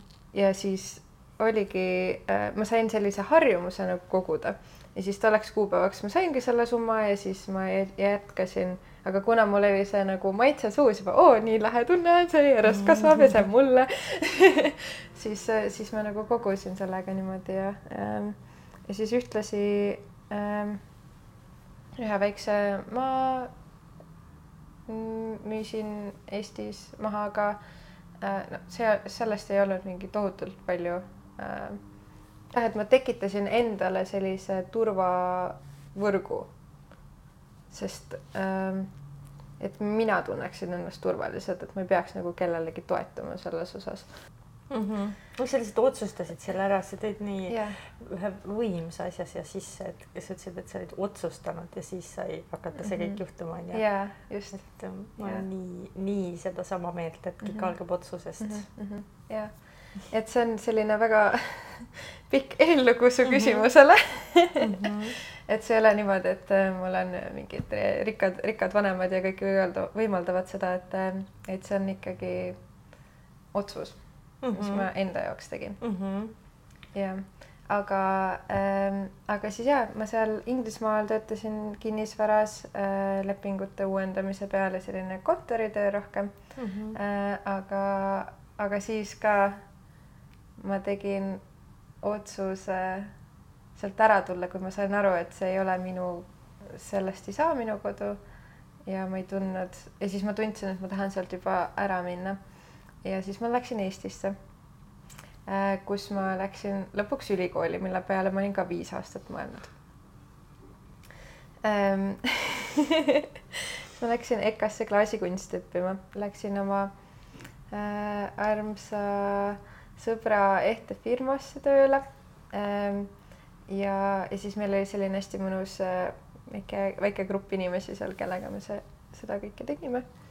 Äh, ma olin abielusõrmuste nõustaja näiteks ja, ja seal oligi selline äh,, sain hästi-hästi palju loomingulisust kasutada, et sain inimestel aidata leida enda jaoks sobivad äh, sõrmused või siis me tegime muid ehteid ka seal, et äh, erinevaid ripatseid ja ähm, ja sõrmuseid ja kõrvarõngaid ja niimoodi. tegelikult see kaelakee mul on ka siin elulill mida näete, ei näe?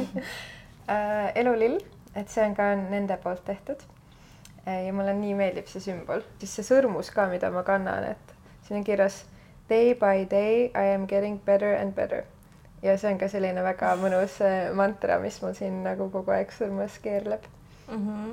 et mulle tohutult, äh, tohutult meeldivad kõik asjad, mida ma kannan, et neil on nii suur tähendus ja kõrvarõngad on ka mul minu enda valmistatud klaasist, hõbedast, klaasist ja hõbedast, sest äh, ma õppisin klaasikunsti ja ma töötasin ehtefirmas ja see on kuidagi kaks ja kaks, üks ja üks panin kokku mm. -hmm. ja, ja seal ehtefirmas ma olin, väga nautisin ka ja olin kaks ja pool aastat, aga siis äh, ja. kas selle õpitud erialaga sa täna ka veel midagi teed? Toimetad? ma, natukene ja ma äh, tegin terve ahjutäie kõrvarõngaid kõrvalõngaid, mitte grillvorsti Neid samu tegelikult, et mulle, oh, mulle nii meeldis, et ma alati lubasin enda, endal teha neid, nendel päevadel, kus ma tundsin tohutult inspiratsiooni ja nii hea oli olla ja siis ma panin mingi ülimõnus muusika sinna taustaks ja ma sain valida, et ma tahan seda värvi ja seda värvi kokku panna ja siis ma tahaks, et need oleks niimoodi, ma tahaks, et see suurus oleks ja kuidagi hullult, hullult nautisin seda äh,, seda protsessi, nii et need on hästi palju äh, sihukest ägedat positiivset energiat on seal sees mm. -hmm. ja, ja kui keegi tahaks nüüd sinu kõrvaringil endale soetada, siis kust neid saab? Ja saab, saab muidugi võib kirjutada mulle Facebooki Taimi Rosali Karing. mis sa veel teed? Äh, ma mäletan nii selgesti seda, no sinu podcast'i nimetus on julgus valida muutust.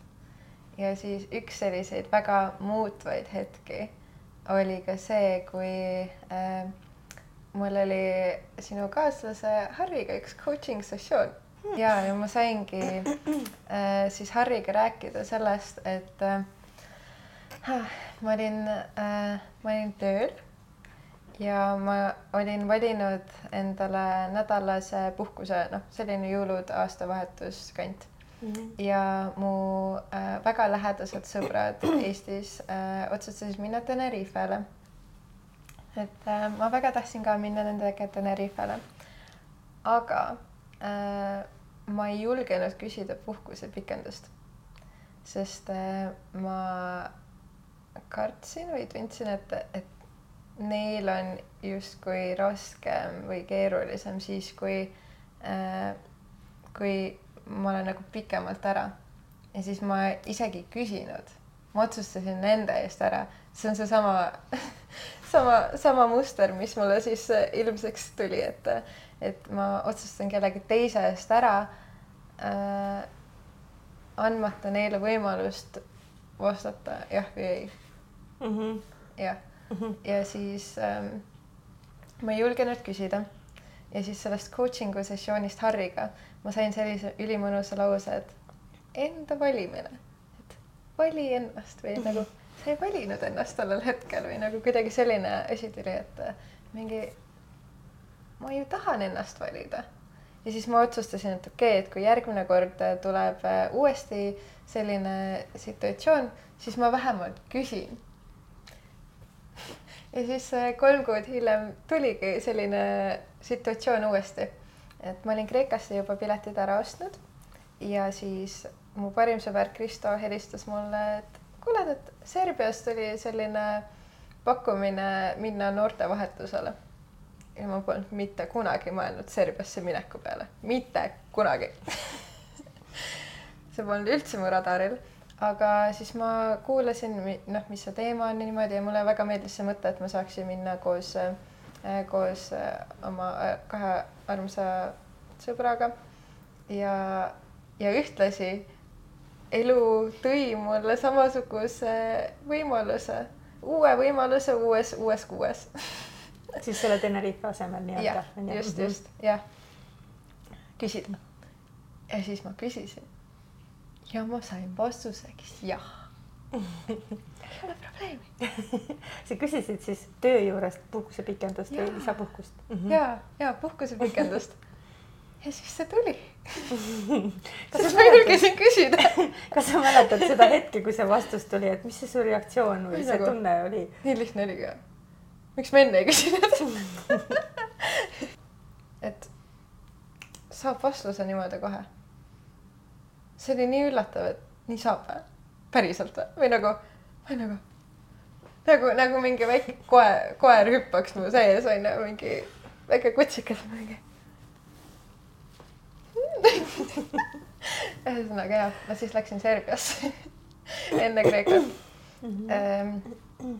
see oli noortevahetus ja siis seal ma kohtasin ka äh, erinevaid inimesi, üks nendest oli see üks äh, läbiviijatest, kes rääkis, et tema töö ongi projektidel käimine erinevates riikides ja nende töötubade ja asjade läbiviimine.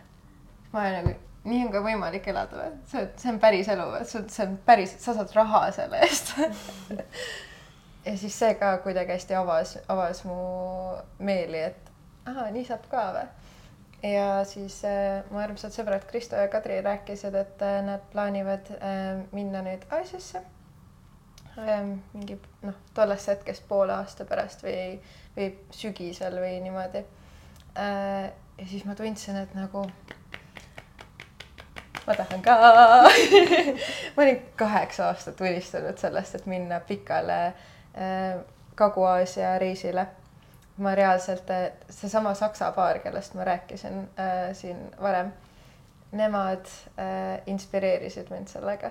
Nemad olid käinud äh,, nad olidki kolm kuni kuus kuud seal olnud ja siis äh, me selle karavani reisi ajal veel võtsime ühe hääletaja peale, kes rattaga sõitis ja siis tema rääkis mulle mingi ah, imelisi lugusid ka Vietnamist ja Kambodžast ja Taist ja kuidas seal kõik on ja millised imelised vaated seal on ja kuidas seal elu käib ja ja kui, kui palju soodsam seal on kui Euroopas näiteks, soe ja ah, see kõik paistis mulle nii lummav. Ja see oli mu unistus. Ja ma olingi kaheksateist ja siis sellest sai minu unistus, et ma tahan ka minna Kagu-Aasiasse kolmeks kuni kuueks kuuks. Ja siis äh,, siis see tunduski nagu lahe võimalus. Ja ma otsustasin, et äh, ma lähen siis äh,, ma lähen, kui ma Eestisse tagasi jõuan äh,, ma lähen ja küsin, kas ma võin kas saame tekitada võimaluse, nüüd ma sain julguse siis, et nagu võib-olla on võimalus saada, noh tekitada end, enda elus võimalusi, mida ma sooviksin, sooviksin mm. -hmm. siis ma olin nagu okei okay., ma lähen ja küsin, et äkki ma saan aasta lõpus näiteks äh, kuu aega kas teha natukene kaugtööd või kasvõi palgata puhkust või niimoodi, et nagu kuu aega olla ära e,. aga kui ma tagasi jõudsin, siis äh, oli mul hoopis selline uudis äh, vastu võtta et, ähm, et üks, üks omanikest soovis äh, uutele karjamaadele minna. Ja, ja siis minult küsiti otse, et aga mis minu plaanid nüüd septembrist on, sest ma olin ma olin ülikooliga ähvardanud et, et uuesti seal nagu tunde võtta ja niimoodi ja siis see andis mulle sellise võimaluse päriselt enda sisse vaadata, et aga mida ma, mis mulle siis õige on, mida ma siis, mida ma siis soovin oma, oma lähituleviku elult. ja siis ma võtsingi selle aja, et mõelda, et noh, tegelikult mulle tohutult, tohutult meeldis see, mida ma tegin seal ja kollektiiv ja see oli nii vägev, mulle, see pakkus mulle igapäevaselt nii palju rõõmu aga samas ma olin nii pikalt unistanud Aasiasse minemisest. ja ma tundsin, et noh, tegelikult ma tahaksin minna niimoodi, et mul on nagu ühe otsa pilet. et ma saan valida seal olles, et kui kaua ma olen, et, et mul ei ole niimoodi, et mul tagasi lennupilet, mul on alati igal pool, kui ma lihtsalt reisima lähen, olen näinud niimoodi, et mul on noh, kindel aeg, kui ma olen, kindel aeg, kui ma tagasi tulen. aga ma tahtsin tunda seda, seda tunnet, et ma saan seda vabadust, et valida, kui kaua ma tahan seal olla ja minna vooluga kaasa, et kuhu minna ka. kas see on see tunne, kus sa nagu piltlikult öeldes lennujaamas vaatad seda tablood ja siis mõtled, et selle võtame ma olen nii palju seda mõtet mõelnud, kui äge see oleks, vaata. ma ei ole niimoodi veel teinud, aga täiega võiks seda ka teha, sa andsid mulle nii palju inspiratsiooni praegu see on see, kuidagi see vabadus, vaata, mis seal taga on, onju, et sa saad ükskõik mida valida. ja, ja -hmm. ja. Ja siis, et siis see elu tuli nagu jällegi vastu ja tõi sulle siis võimaluse, et sealt väljaspoolt küsiti, et sa isegi ei pidanud ise nagu alustama sellega, et sa teed mingi otsuse, et kas yeah. ma lähen kuuks või kuidas yeah, siis, et yeah, noh, et kui tahaks ühe otsa piletiga mm. -hmm. ja mis sa siis tegid sellega? ma võin aimata vastustega hmm. Et üks nendest teemadest tegelikult, miks äh,, miks ma just tollel hetkel hakkasin mõtlema ka Aasia peale, oli see, et äh, ma oma tolleaegse armsa kaaslasega räägime, rääkisime ka tulevikuplaanidest ja siis üheks teemaks äh, oli lapsed. ja ma tollel hetkel üldse ei teadnud, kas ma nagu seda soovin ja et ma tahtsin, mul oli pikalt hästi suur plokk olnud selle teema ees ka. ähm,. sest ma ei olnud väga palju näinud selliseid näited, mis oleks hästi positiivsed, et nagu, et, et naisel on ka hea olla selles rollis ähm,. ja et see ei oleks nagu piirav kogemus ja niimoodi, et mul oli hästi palju, väga palju piiravaid uskumusi sellega seoses. Ja, ja siis ma tundsin, et see on teema ka, millega ma tegeleda tahan, et ma ei taha, et mul oleks, ma tahaks sellest sotti saada, ma saaks aru saada, et et ja nagu kuulda ka inimeste positiivseid kogemusi sellega seoses, et mitte olla ühe, täiesti ühes ekstreemsuses.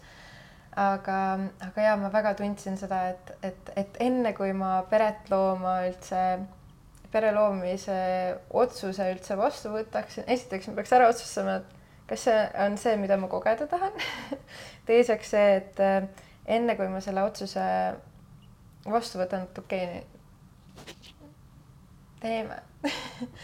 Ma tahtsin, ma tundsin, et äh, ma olen nii pikalt unistanud sellest, et ma tahan seda kogeda enne, seda reisimist, seda, seda ühe otsaga minemist, seda, seda kolm kuni kuud, kolm kuni kuus kuud äraolemist mm. ja mm. nii et, et see oli selline moment mu elus, kus kus sellised suured elu, elu muutvad otsused olid käsil mm -hmm. mõttes. Milline otsustaja sa oled, me oleme juba saanud aimu, ma arvan, kuulaja on ka saanud aimu, et sa oled julge ja lähed päris suure kergusega asjadest läbi. kuidas otsustamine sinu jaoks on, kas see ongi see keha kuulamise koht, kui kaua see sul aega võtab, kas sa oled mõelnud, et sa mõtled ja siis mõtled ringi ja siis mõtled ja mõtled ringi? Või kuidas see otsustamine käib? Hmm.? see nii oleneb teemast et osade asjadega ma niimoodi. Ülikiiresti, aga teiste asjadega ma kaalun ja mõtlen ja mis see võiks olla, mis see parim otsus on ja kas see ikka see on ja mille, mis, mis sellega kaasneks ja kui ma lähen äh, sinna või tänna, et mis see on ja siis finantsid ja kõik, kõik, kõik, kõik siuksed asjad mm. -hmm. saad sa, oskad sa kuidagi lahterdada neid ka, et millised need kiired otsused ja millised need äh, aeglasemad otsused on, mis rohkem võtavad, on seal niimoodi, et suured asjad nii-öelda on ühtemoodi ja väiksed teistmoodi või on ikkagi mingi tõesti tunnetuse koht. ja see on jälle see koht, kus ma kuulan oma elevust, et see on mm -hmm. nagu minu põhiasi, mida, mille järgi ma vaatan praegu, et okei okay,, et, et kui ma nüüd äh, mõtlen selle peale, et mm, äh, et okei okay,, et mul on Aasia plaan juba olemas, aga siis mm, keegi kutsus mind Coloradosse USA-s, mis on nagu täiesti teisel pool maailma, mingi see, aa, nii taha, see nagu tekitab mulle nii palju põnevust, sinna minek on ju, mingi ah, lihtsalt nagu iga rakk mu kehas ütleb jaa. aga siis mu pea jõuab sinna, et aga kas see on finantsiliselt mõistlik ja ma lähen nii lühikeseks ajaks ja kas see on üldse loogiline asi, mida teha ähm, et, et vahepeal see dilemma nagu keha ja aju vahel ikkagist on ka mm. -hmm. ja kuidas see otsustamine siis käib, et kas sa, mis sa teed, on sul mingi tehnika või teed mingeid inimkatseid enda peale? et see, äh. see võiks olla võib-olla, ma usun, et päris paljudele tegelikult inspiratsiooniks ja võib-olla ka mhm. abiks, sest et no me ju otsuseid teeme ju igal hetkel oma elus, aga ja, mõned otsused ja. on nii suured, et kuidagi kohe vahest ei julge onju. ja, jah et üldiselt mul ongi see, et ma kuulan oma keha siis ja vaatan, et mis, mis tema ütleb, et nagu kas see, kas see tekitab elevust või, või pigem mitte. ja äh, mul on õnneks väga-väga armsad sõbrad, kes on nagu kes viitsivad kuulata mu, mu pidevaid kaalutlusi, et äh, suur aitäh sulle, Kristo näiteks ja, ja minu meelest ma teiega rääkisin ka, ma olen nagu mitmetel kordadel äh, rääkinud, et mingi ah, see või teine või see niimoodi. mulle tundub, et minule endale on hästi palju abiks see, kui ma saan rääkida, et siis see kuidagi noh, peas on võib-olla mingi mustmiljon mõtet ja ei ole nagu niisugust kaaristatust, aga kui ma räägin sellest mm, -hmm. siis äh, ja võib-olla keegi vestluskaaslane küsib mult äh, suunavaid küsimusi selle kohta, et siis see nagu aitab mul formuleeruda, formuleerida seda otsust ka mm. -hmm. rääkimisega vist on teinekord see ka, et kui kuulda neid mõtteid mm, -hmm kas siis omaenda häälega valjusti või siis, kui tõesti keegi sulle peegeldab tagasi, on ju, et see on jälle ka mingi natukene teine nurk kui see, kui nad siin pea sees on. ja just, ja mm., ja tean, et osad inimesed teevad sellist äh, nii-öelda mängu ka, et noh, viskavad münti, et siis, äh, et mis pool maandub, et kuidas ja siis sa näed seda vastust ja sa, sulle kas meeldib see või sa oled pettunud. et kui sa pettunud oled selles äh, äh vastuses, siis sa tead, et sa tahaksid tegelikult seda teist teha mm. -hmm. et see teine on siis mm -hmm. võib-olla õigem. aga tegelikult lõpuks ähm,, see on ka väga hea point äh,, see on väga hea mõte, mille Bruno mulle eile andis ähm,. üleeile, jah. et kui on mingisugune äh, murekoht või siis nagu otsus või niimoodi, et kas see on ähm, kas ma muretsen ka selle pärast kolme kuu pärast, et kas see on asi, mille pärast ma muretseksin ka kolme kuu pärast. kui vastus on ei, siis ma ei pea selle pärast praegu ka muretsema, siis noh, see on nii väike või tühine asi. ja lõpuks mm, -hmm. äh, kui teha otsuseid üldse, siis see otsus, vahet ei ole, mis otsus see on. sa kas saad mega hea kogemuse või siis äh, sa õpid sellest midagi nii et lõpuks kõik otsused on täiega õiged. ja võib-olla tollel hetkel tundub, et mingi, aa, ma ei tea, kas see oli õige, õige otsus või mis, mis toimub, aga, aga võib-olla paari aasta pärast tulevikus sa vaatad tagasi ja näed, et aa, kui ma selle otsuse nüüd tegin, see aitas mind suun-, suunduda sinna kohta, kus ma olen oma elus praegu mm. -hmm siit jälle kumab läbi see hästi suur elu usaldamine, et just ükskõik millise tee sa valid, see on igal juhul mm -hmm. sinu heaks yeah.. seal taga on see minu puhul vähemalt uskumus, et elu mm, -hmm. elu juhtub minu heaks yeah., mitte minuga yeah, aga jaa yeah., see on ja see on, ma arvan, väga toetav ja väga mhm. selline mm -hmm sügav koht, millele mõelda ja eks neid tehnikaid, nagu sa ütled, mündi viskamine, mulle hästi meeldib metsas teha, näiteks metsarajad, mets on -hmm. imeline koht äh, mõtete selginemiseks mm, -hmm. kui mhm. kuidagi kipub siia pähe ära minema, sest seal on yeah. kõik võimalused, näiteks rada läheb kaheks seal saab otsustada, et ma lähen sinna, nüüd see on see mm -hmm, ja siis, mis mhm. tunne jälle seal on, on ju.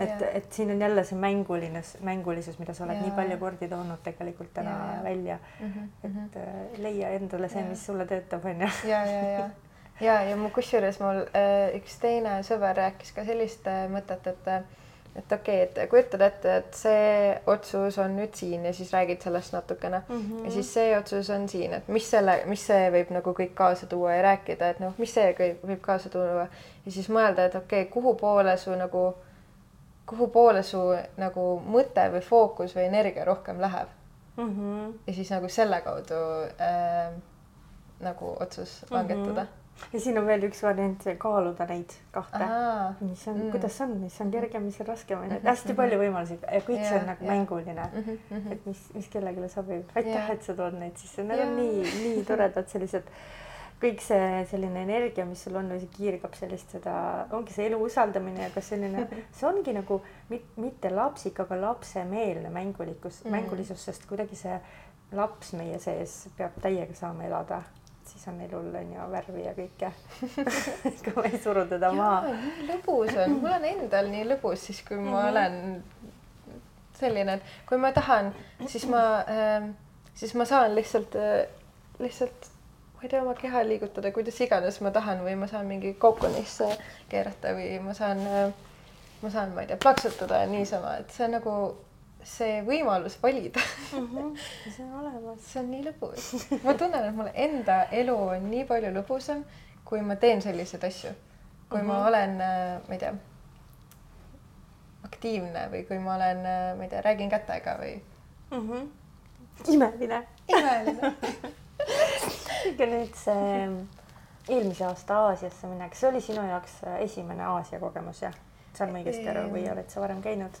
ühe korra käisin okay. varem ka, mhm. kaks tuhat üheksateist aastal, äh, siis kui ma töötasin veel Londonis ja ma seal ka, kusjuures mul üks kolleeg rääkis, kuidas ta viieks päevaks käis Dubais ja see oli nagu, mis asja, nii lühike, mis asja, sa läksid nii kaugele, nii lühikeseks ajaks, kuidas see võimalik on? aga see ava jälle nagu muutis mu seda suunda sellest, et kuidas ma näen Aasia reisi, sest ma olin nagu nii pikalt tampinud seda, et see peab olema kolm kuni kuus kuud, kolm kuni kuus kuud, pikalt niimoodi mm. -hmm. ja siis, siis ma näen kedagi, kes läks viieks päevaks nii kaugele. ja siis ma olin nagu, aga ma saan ju minna pooleks kuuks ja siis kunagi tulevikus uuesti minna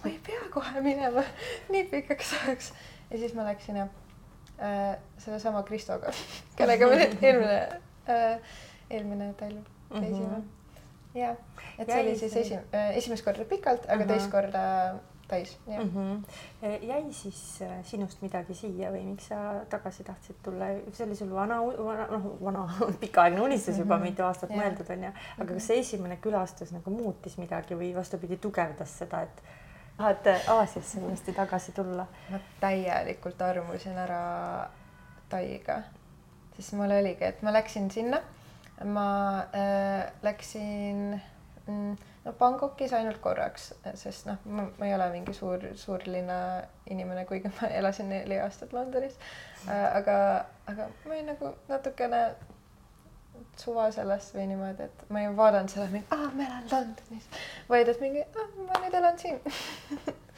Ähm, aga, aga ja ühesõnaga Bangkokist läksime, lendasime Chiang Maisse ja seal olime paar ööd ja vaatasime, mis seal toimub. Aga siis me olime kuulnud sellisest äh, imearmsast külast nagu Pai, mis on Chiang Mai lähedal, kolm tundi mägedes sõitmist. Ähm,. Väga-väga intensiivselt palju käänakuid oli, mingi seitsmesaja kanti. ja, aga see oli täiega seda väärt. sest äh, me läksin, ma läksin sinna ja ma tegelikult tollel päeval läksin üksi sinna ja ma olin üldse nagu Tais esimest korda, et mu sõber Kristo oli olnud siin juba paar kuud äh, ühe saare peal, aga mina olin, alles jõudsin siia, siiapoole maailma ja siis ähm, hmm. ja siis ma läksin, aga mu sõber Kristo pidi viisa run'i tegema minema, ehk siis nagu piiri äärde, ehk siis viisapikendust saama. ja siis ma läksin Paisse, ma läksin nagu üksi, tegelikult äh,. ma ei tea, kas see on oluline, aga ma räägin ikka, et me olime juba, põhjus, miks ma läksin üksinda Paisse, oli see, et me jõudsime juba Kristoga bussijaama. Ja siis bussijaamas ma olin juba pileti ära ostnud ja siis ähm, ühed ähm, füsioterapeudid Ameerikast, ühed tüdrukud, nad olid mulle just kirjutanud, et kuule, et me lähme siia templisse äh, täna, et kas te tahate ka tulla ja siis me vaatasime mmm,, samas see on päris huvitav, peale ei ole mingi budistlikes templites varem käinud, lahe, keegi teine korraldab, saame lihtsalt kaasa minna. Äh, ja siis me läksime ja siis me jäime üheks ööks veel Chiang Maisse. nii et äh, ma müüsin oma pileti seal mingile suvalisele inimesele bussijaamas maha ja siis läksime nendega kuskile mägedesse templisse.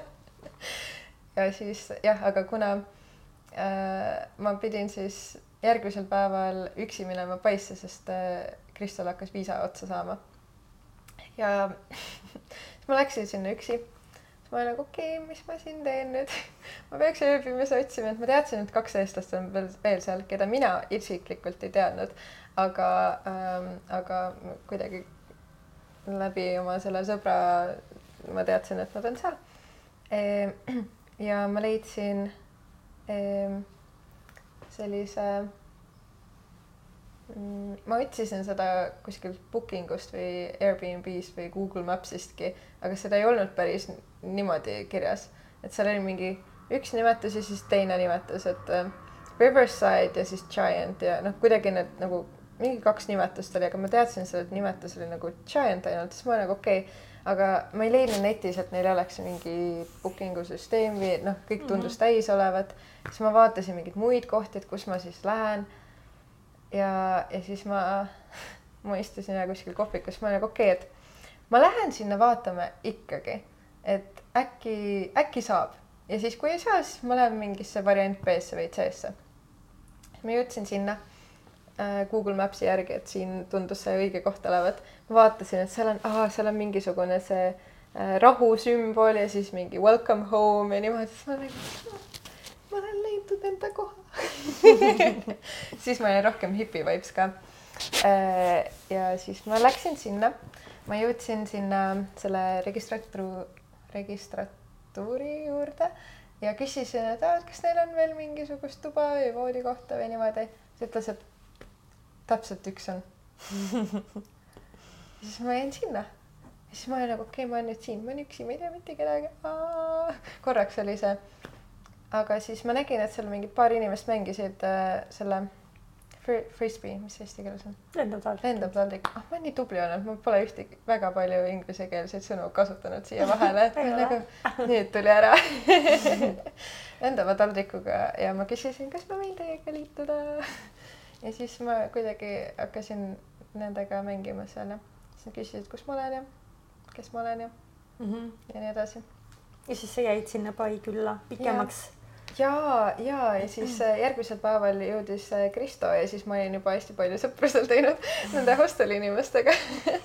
Äh, ja siis ta oli nagu mingi, niimoodi või? Niimoodi ongi noh, et täiega tore, et mingi, mina nüüd näitan talle ringi, vaata enne tema näitas mingi, ma tean Tai kohta asju, vaata, et lähme, lähme koos. Mm. -hmm. Um, jah, et selles suhtes hästi äge. Ja ma tahtsin äh, olla seal Pais natukene ja siis veel äh, lõunasse saartele minna. aga need, aga meile Pais meeldis nii palju, et me jäime nagu minu kahest nädalast, me jäime kümneks päevaks sinna. nii et ma ei jõudnudki saartele. aga see oli täiega seda väärt, sest ma nagu nii nautisin seal olemist. et see oli mu esimene kord. mis seal sellest... oli sellist? küsin korra siia vahele, mis oli see, mis nii väga sind ära võlus seal selle küla juures? Ma proovisin ekstaatilist tantsu esimest korda, hästi imelik oli alguses, aga siis ma lõõgastusin sinna sisse, sest mulle hakkas meeldima. sihuke vabastus jälle. mulle nii meeldis see kommuun, mis seal oli, et, et olidki nagu inimesed, kes nagu tulid sinna, tahavad suhelda ja nad olid nagu siuksed teadlikud inimesed ja nagu nad elasid oma elu nii nagu noh, läksidki mingi reisima ja niimoodi, et niimoodi saab ka elada. ja, ja kuidagi nii mõnus, et me käisime tuletantsu vaatamas hullult palju, mingi iga paari päeva tagant ja, ja siis see kuidagi hästi lummas mind ja, ja siis me leidsime sellise, meile räägiti, me leidsime sellise megaägeda kommuunikohaga, kus nad pühapäeviti teevad äh, äh, koossöömisi, kus äh, seal on selline mm, katusealune, kus äh, avatud plaaniga, et ainult nagu postid on ja siis on ka katus pea kohal ja siis nad äh, pakuvad süüa ja siis on küsimus, mida, millele saavad kõik vastata, et sellised erinevad teemad ja siis said nagu suhelda ja siis seal tehti veel žongleerimist natukene ja kuidagi selline hästi nagu avatud soe olemine, kus, kus me olime, tundsime hästi vastuvõetuna ennast mm. -hmm. no hea. jah. Imeline. Lähed sa sinna tagasi? jaa aga ma korraks kutsun sind sealt imelisest Paikülast tagasi Eestisse, sellesse hetke, kus sa siis äh, tegid selle otsuse, valiku, et sa lähed äh, pikemaks Aasiasse mm. -hmm. et äh, mis sealt veel sul täna meenub, mis olid sellised olulised võib-olla mingid verstapostid või olulised aspektid. ja kusjuures äh, äh, septembris ma läksin, aga augustis ma tegin äh,, korraldasin ka äh, samamoodi Kristo ja Kadri ja siis veel paari äh,, noh, meie olime äh, põhikorraldajad ja siis meil oli veel abi natukene äh,. ühte Erasmus pluss noortevahetusprojekti mis põhimõtteliselt oli retriit, mida rahastas Euroopa Liit. Läheb isegi riimi. Ja et see pakkus tohutult, tohutult palju nagu nii mulle kui äh,, kui kõikidele osalistele ja sellele nagu sõp-, sõprusele ka ja ähm, et see oli tähendusrikaste suhete loomise ja hoidmise olulisusest. ja meil oli väga palju erinevaid töötubasid seal ma tõin ka, kuna ma olin just seda äh, piiride ja jah-ei mängu, mängus osalenud, siis ma otsustasin ka seda proovida nagu läbi viia. ja see meen-, see läks nii paljudele inimestele korda. et ma olin korra varem seda ka proovinud läbi viia, kas siis seal oli nagu eriti võimas ja siis ja mul oli väga kindel soov, et kõik oleksid kained. kõik kakskümmend neli noort üle nelja Euroopa riigi, pluss veel meil olid paar osalist. üks oli Mehhikost ja, ja niimoodi ka, et selline väga rahvusvaheline äh, kogukond inimesi tuli kokku mm. -hmm. ja see oli nii hingepaitav, sellepärast et meil seal lõpus äh, tegime ka sellist, sellist asja nagu praise shower, et me panime ühe inimese keskele istuma, see oli noh, kümme päeva kestis üldse see kokku ja no ütleme niimoodi, kaheksandal päeval alustasime sellega, et ühe inimese panime keskele istuma ja siis kõik inimesed järjest ütlesid tema kohta, mida nad äh, temas äh, väärtustavad või mis neile meeldib selle inimese puhul või mingisugune sõnum sellele inimesele. ja see oli nii võimas. see oli nii võimas, nagu iga inimene, kes seal keskel istus, seal mingil hetkel hakkasid pisarad voolama, sest see oli nii liigutav. Ja, ja meil siiamaani Whatsappi grupp äh, käib, et kui mis iganes inimesed äh, kohtuvad sellest äh, grupist, et siis nad panevad sinna pildi ka ja kui on kellegi sünnipäev, siis saadetakse ka seal ja vahepeal lihtsalt mingi, mulle meenus see ja siis jagatakse, et see on nagu, see oli väga vägev kogemus. kümme päeva äh,, iga päev igasugused äh, töötoad ja et me integreerisime ka nende, nende noorte töötubasid sinna sisse, et osad läbi viisime meie läbi ja osad äh, viisid siis nemad läbi, et see ongi nagu noortevahetus, et noored õpivad üksteiselt mm. -hmm. ja see oli selline väga suur äh,. äh me lihtsalt tahtsime seda teha ja me tegime selle ära ja ei olnud mingit küsimustki. ja esimest korda üldse korraldasime sellist projekti ja see tundus nagu nii normaalne, justkui nagu nii lihtne ja siis inimesed olid üllatunud, et see meie esimene projekt üldse oli või esimene noh, sihuke retriit. ja, ja see andis mulle nii palju inspiratsiooni ja seda teotahti juurde mingi, ah ma tahan veel kõike korraldada, sest ma olin nagu hullult palju igast muid asju, väikseid asju, mingi sõpradega väljaminekuid ja road trip'e niimoodi natukene korraldanud. aga et just sellist nagu suuremat äh, kogukonna asja mm, -hmm. et siis see andis mulle hästi palju inspiratsiooni juurde, et, ähm, et oligi, et mm, kui me augustis, augustis saigi, et mul äh, tegin, tegime selle projekti ära, töö lõppes äh,. suhtega ka otsustasime oma teed minna ja siis septembris ma läksingi oma Aasia rännakutele oma kahe sõbraga, kahe reisiselliga et see retriidi korraldamise lugu natukene juba paotas ka seda, et mida sa siis täna teed, millega sa tegeled ja kui ma sind kuulan, siis mm, see on ju ilmselge, et sinu selline sünnipärane anne või kuidagi see kingitus on see inimeste ühendamine ja kokkuviimine, kui sul on endal nii lihtne saada kontakti vaata inimestega igal pool üle maailma ja neid ka omavahel kokku viia, siis, siis yeah. kuidas see suund on ennast sinu elus täna avaldanud see on väga suur osa minu elust ja see on tohutult suur kirg, mis mul on ka just inimestega ühendumine ja inimeste ühendamine. et, et oligi, et kui ma nüüd Aasia, eelmine aasta siis läksingi niimoodi ühe otsa piletiga ja siis seal me kohtusime ka väga põnevate inimestega ehm, ja kellega osadega ma koos äh, korraldasin näiteks äh, selliseid äh, naisteõhtuid või siis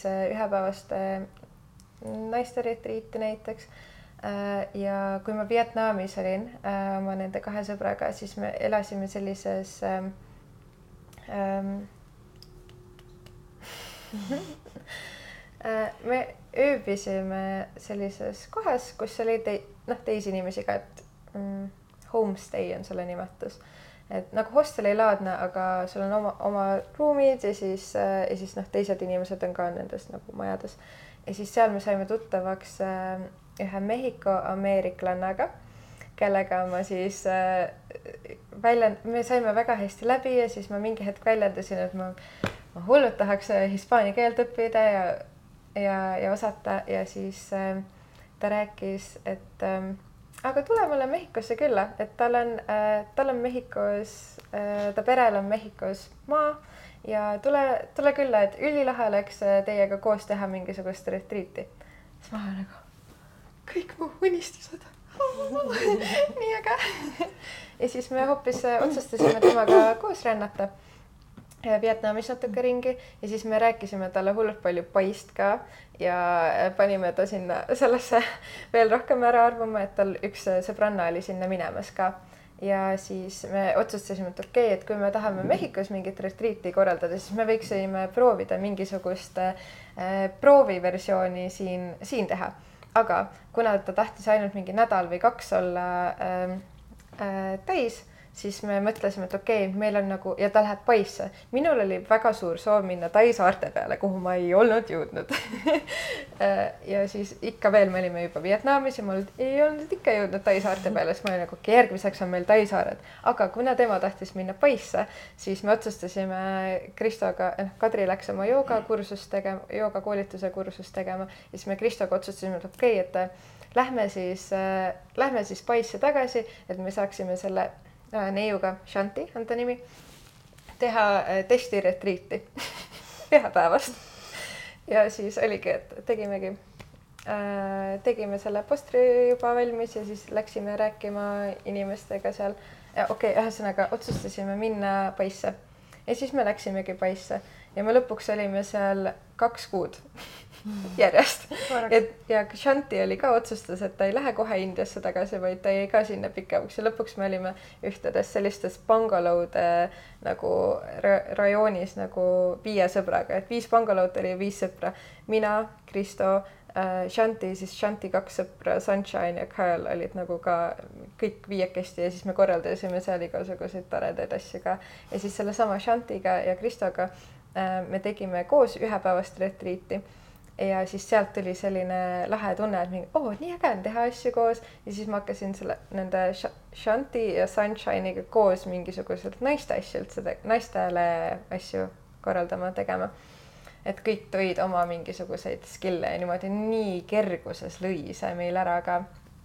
ja, ja me saime hästi head tagasisidet sealt, et inimesed tundsid nagu nagu nii suurt nagu soojust ja hoolivust ja et nagu nii palju erinevaid asju just nagu seal koos oligi äh, loovust ja liikumist ja siis äh, meditatsioone ja äh, ja joogat ja, ja kõiki, kõiki selliseid asju.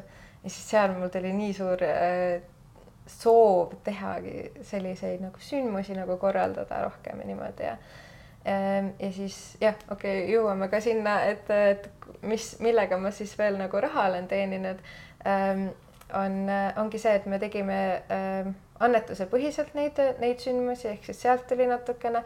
Ähm, sisse ja siis Kristo oli, see on mingi, mingi ainult temast jutt käibki. Et ta on mulle tõesti, ta on kümme aastat mu parim sõber olnud, et ta on väga-väga olulisel kohal mu elus äh, olnud äh, nii, nii rõõmus kui raskustes, nii et ta on hästi-hästi-hästi armas sõber mulle ja äh, et tema oli raamatute tegemise ja kirjastamisega tegelenud. ehk siis ta otsustas mulle õpetada ka, et ja ma üldse ei tahtnud alguses uskuda, et mis asja, ma saan mingit aforismi raamatut teha ja siis nagu keegi ostab seda ja siis ma saan raha sealt või, mis asja nagu.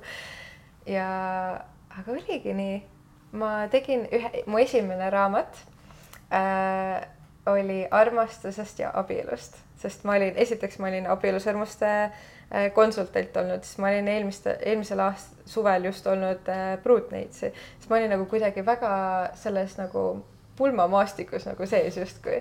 Ja siis mu sõbrad äh, plaanisid minna ka äh,, tähendab, plaanisid teha oma pulmasid mul pidid see suvi, ma pidin kahel, kahte pulma minema see suvi, siis ma otsustasin, et ma teen nagu äh, sellise äh, ise tehtud kingituse.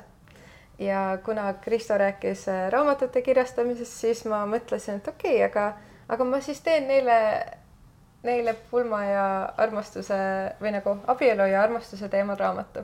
paningi, valisin ilusaid pilte vabavarast ja siis ilusaid äh, neid aforisme vabavarast, panin need lihtsalt kokku ja siis äh,, ja siis panin müüki äh,. et proovida, et kas see päriselt siis toimib ja inimesed ostsid, siis ma nagu, see on esimest korda, kui ma saan neti teel raha teha, mingi niimoodi saab ka või?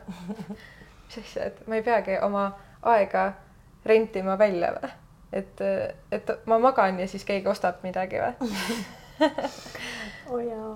ja et sihuke, sellega ma tegelesin siis vahepeal mingi mõned kuud, aga siis see, see süsteem muudab ennast kogu aeg ja siis ja see ja siis ühesõnaga see mingi hetk nagu töötas ja siis mingi hetk enam ei töötanud ja siis aga kuna ma olin nii lummatud kogu sellest sündmuse korraldusest ja sellest maastikust, siis ma äh,, mu sõber mainis, et äh, Mindvalis äh, aa jaa, ma kusjuures hakkasin tegema neid äh, vision board'e ka äh,. esimesel aastal tegime meie koos ja ma kutsusin veel Wolfiti inimesi külla ja siis teisel aastal ma olin äh, Laoses äh, see oli kusjuures selle aasta alguses. ma olin Laoses ja mm -hmm. siis me, ma tegin uuesti. ja ma panin Mindvalley University endale ka sinna vision board'i ja aga ma ei kirjutanud, mis rollis täpselt, ma mõtlesin, ma lähen vabatahtlikuks, aga siis mu sõber ütles, et nad tegelikult otsivad tasustatud praktikandi, praktikante ka. ma nagu päriselt ja siis ma kandideerisin äh,. ja mind võeti intervjuule ja siis teisele intervjuule ja siis ma sain sinna.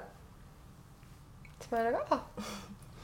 see oli siis nüüd see, see suvi, kus sa vahepeal Eestis olid? ja, ja see oli nüüd see suvi. jah ja täna, kahekümne üheksandal oktoobril me istume siin Kuala Lumpuris ja meie rändame siit homme edasi Balile. aga sina, mis sinust nüüd saab, mis edasi teed? nii, ma olen, ma lendan ka Taisse äh, varsti. Ja mul on väga hea meel sinna minna, sest äh, ma lähen ühte saksa sõpradega, kellega ma suvel Mindvalley University ajal tuttavaks sain ähm,. rendime koos maja ja siis ähm, me korraldame ühte retriiti Kopanganil veebruarikuus, äh, terve veebruari kusjuures. Äh, see on selline workation ehk siis inimesed tulevad äh, kokku, päeval tehakse tööd, et kes teeb oma kaugtööd või edendab oma äri või peab oma nagu ähm, klientidega kõnesid ja niimoodi. ja me oleme sellises väga inspireerivas keskkonnas, sest see on selline üliäge villa, see on põhimõtteliselt nagu paradiisi saare peal, ma olin eelmine aasta seal ka poolteist kuud, see oli mega. Äh, ja ollagi inimestega, kes ka kõik tahavad olla produktiivsed ja teha oma asja ja, ja hommikuti me teeme äh, hingamisrännakuid ja meditatsioone ja, ja joogat ja selliseid vahvaid äh, ühtse, ühtset energiat äh, loovaid tegevusi, mis nagu kohale toovad ja siis õhtuti me teeme lauluringe ja tantsimisi ja ja erinevaid töötubasid ka sinna. nii et äh, ma väga-väga-väga olen elevil selle üle. Äh, ja ühtlasi mul on nagu selline huvitav hetk elus, sest ma olen avatud erinevatele võimalustele ja see ei ole väga populaarne asi, mida rääg-, millest rääkida podcast'is, aga ma ei tea päris täpselt, mida ma teen järgmiseks võib-olla on midagi, mille, mida ma isegi ei suudaks ette kujutada praegu. et eh, kui keegi kuulajatest tunneb, et eh, soovib eh, mulle kirjutada, mingisugust koostööd pakkuda või, või lihtsalt, ma ei tea ma meeldin inimesele. Et siis, siis võib vabalt äh, kirjutada ja, ja, ja ma, mind täiega kõnetab äh, äh, füüsiliselt asjade tegemine, aga ka netipõhiselt või, või ähm, millegi brainstorm imine koos või ähm, ja midagi, mis pakuks mulle vabadust reisida, aga samas ka koos inimestega tegutseda. aga ma olen väga, ma väga soovin teha midagi loovat, midagi koos inimestega, midagi, mis annaks inimestele väärtust ja et nad tunneksid näiteks kuuluvust või kommuunitunnet. et nad äh, saaksid väljendada ennast oma jahhi ja ei-d ma tahaks mingisuguseid töötubasid teha, ma tahaks mingisuguseid retriite teha ähm,. aga ma ei taha seda üksi teha.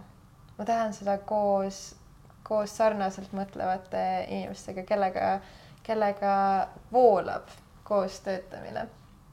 et nüüd, kui ma tegin dekoratsioone selle, see sõprade pulmajooks, ma tunnen, et oo oh,, aga see on ka nii lahe asi, mida teha, et näiteks aidata äh, rahvusvahelistel paaridel leida mingit viisi, kuidas äh, oma kultuure kokku panna ühel peol mm. -hmm. see tundus nagu oo, mingi väga-väga spetsiifiline uus asi, mida, mida teha. ja, ja ma tahan ja. selle korra siia sisse tuua ka, et see oli tõesti üli ülimõnusasti loodud nendel, kus ongi paar, kellest üks on Brasiiliast ja teine mm -hmm. Hiinast ja siis on need vanemad, kes on ka sealt pärit, et noored on yeah. tänapäeval sellised, kes reisivad palju ringi, on mm -hmm. elanud siin-seal ja kolmandas kohas mm. -hmm. aga kuidas kõik see kokku tuua, nii et see nagu see peigmees Bruno ka lahedasti ütles, et see oli nagu äh, selline nagu rahvuste ühendamine või, või perekondade abiellumine mm -hmm. või selline kõik ühes ja, nagu, et ja.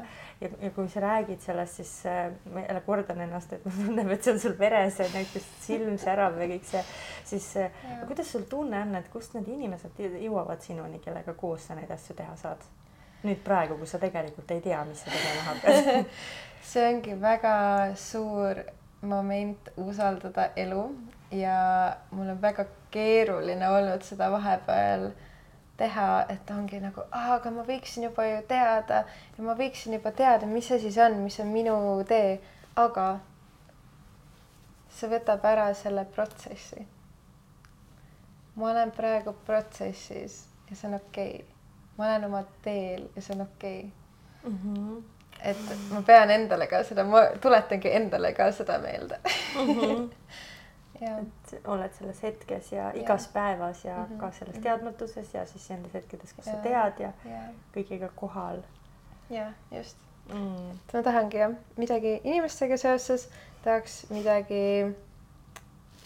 ei, ma kutsun oma ellu võimalusi, kus ma saan teha koostööd vägevate inimestega, kellega, kellega me loome kerguses me saa, mina saa, mina või meie saame kasutada loovust ja inimeste ühendamist.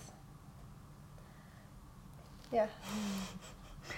nii ilus taotlus siia meie vestluse kokkutõmbamiseks, sest me oleme jutustanud üsna pikalt ja ma usun, et sul on tegelikult väga palju veel jagada. täna tuli siia see, mis pidi tulema ja täitsa võimalik, et me kohtume siin võib-olla kunagi veel selles podcastis mine tea, olen avatud ma lihtsalt kogu südamest tänan sind, et sa olid valmis tulema ja julgesid usaldada nii lühikese etteteatamise ajaga, et davai, teeme, teeme ja valisid seda oma sisetunnet kuulata ja, ja öelda selle jahi selle pealt, et et ma täiega tunnen, et see on nii inspireeriv nii minu jaoks, kui see ilmselt saab inspireerida ka mm. kuulajaid. ma soovin sulle selliseid kerguses ja samas ka hoitud seikluseid mm.. et sa saaksid kõik selle, mille järel sa oled liikumas, isegi kui sa veel täna ei tea, mis see on ja lihtsalt äh, soovin sulle nagu imelist teekonna jätku. aitäh sulle, armas Liisi. Ah. ma täiega. jaa, räägi ma täiega usun seda, et, et sinu ellu tulevad just sellised säravad hinged, kes panevad, näevad sinu ilu ja sära ja võlu ja, ja te panete üksteise hingekellad helisema. jaa, saagu nii vot, meil läks siin väga-väga mõnusaks ja ilusaks, veel mõnusamaks, ilusamaks kui oli aga mm. sinule, armas kuulaja, kui miski sind eh, siit puudutas või inspireeris, siis muidugi alati oled oodatud seda saadet edasi jagama oma kanalis, oma sõprade, oma tuttavatega ja kui sa tahad Taimi käest midagi küsida või eh, või julgustust juurde leida, siis eh, viimaseks, kuidas sinuga ühendust saab? ja võib vabalt kirjutada mulle näiteks Facebookis, ma olen Taimi Rosali Karing ja Instagramis hetkel on mu äh, see nimetus lill.times ehk siis L-I-L ehk siis väike punkt Times ja Times on ka minu arust väga mõnus hüüdnimi, mis mulle meeldib kasutada et ja siis saad otse ühendust võtta või siis läbi minu, et äh, maailm on väike ja küll me kokku saame, nii et äh, aitäh ja järgmise korrani. tšau. tšau.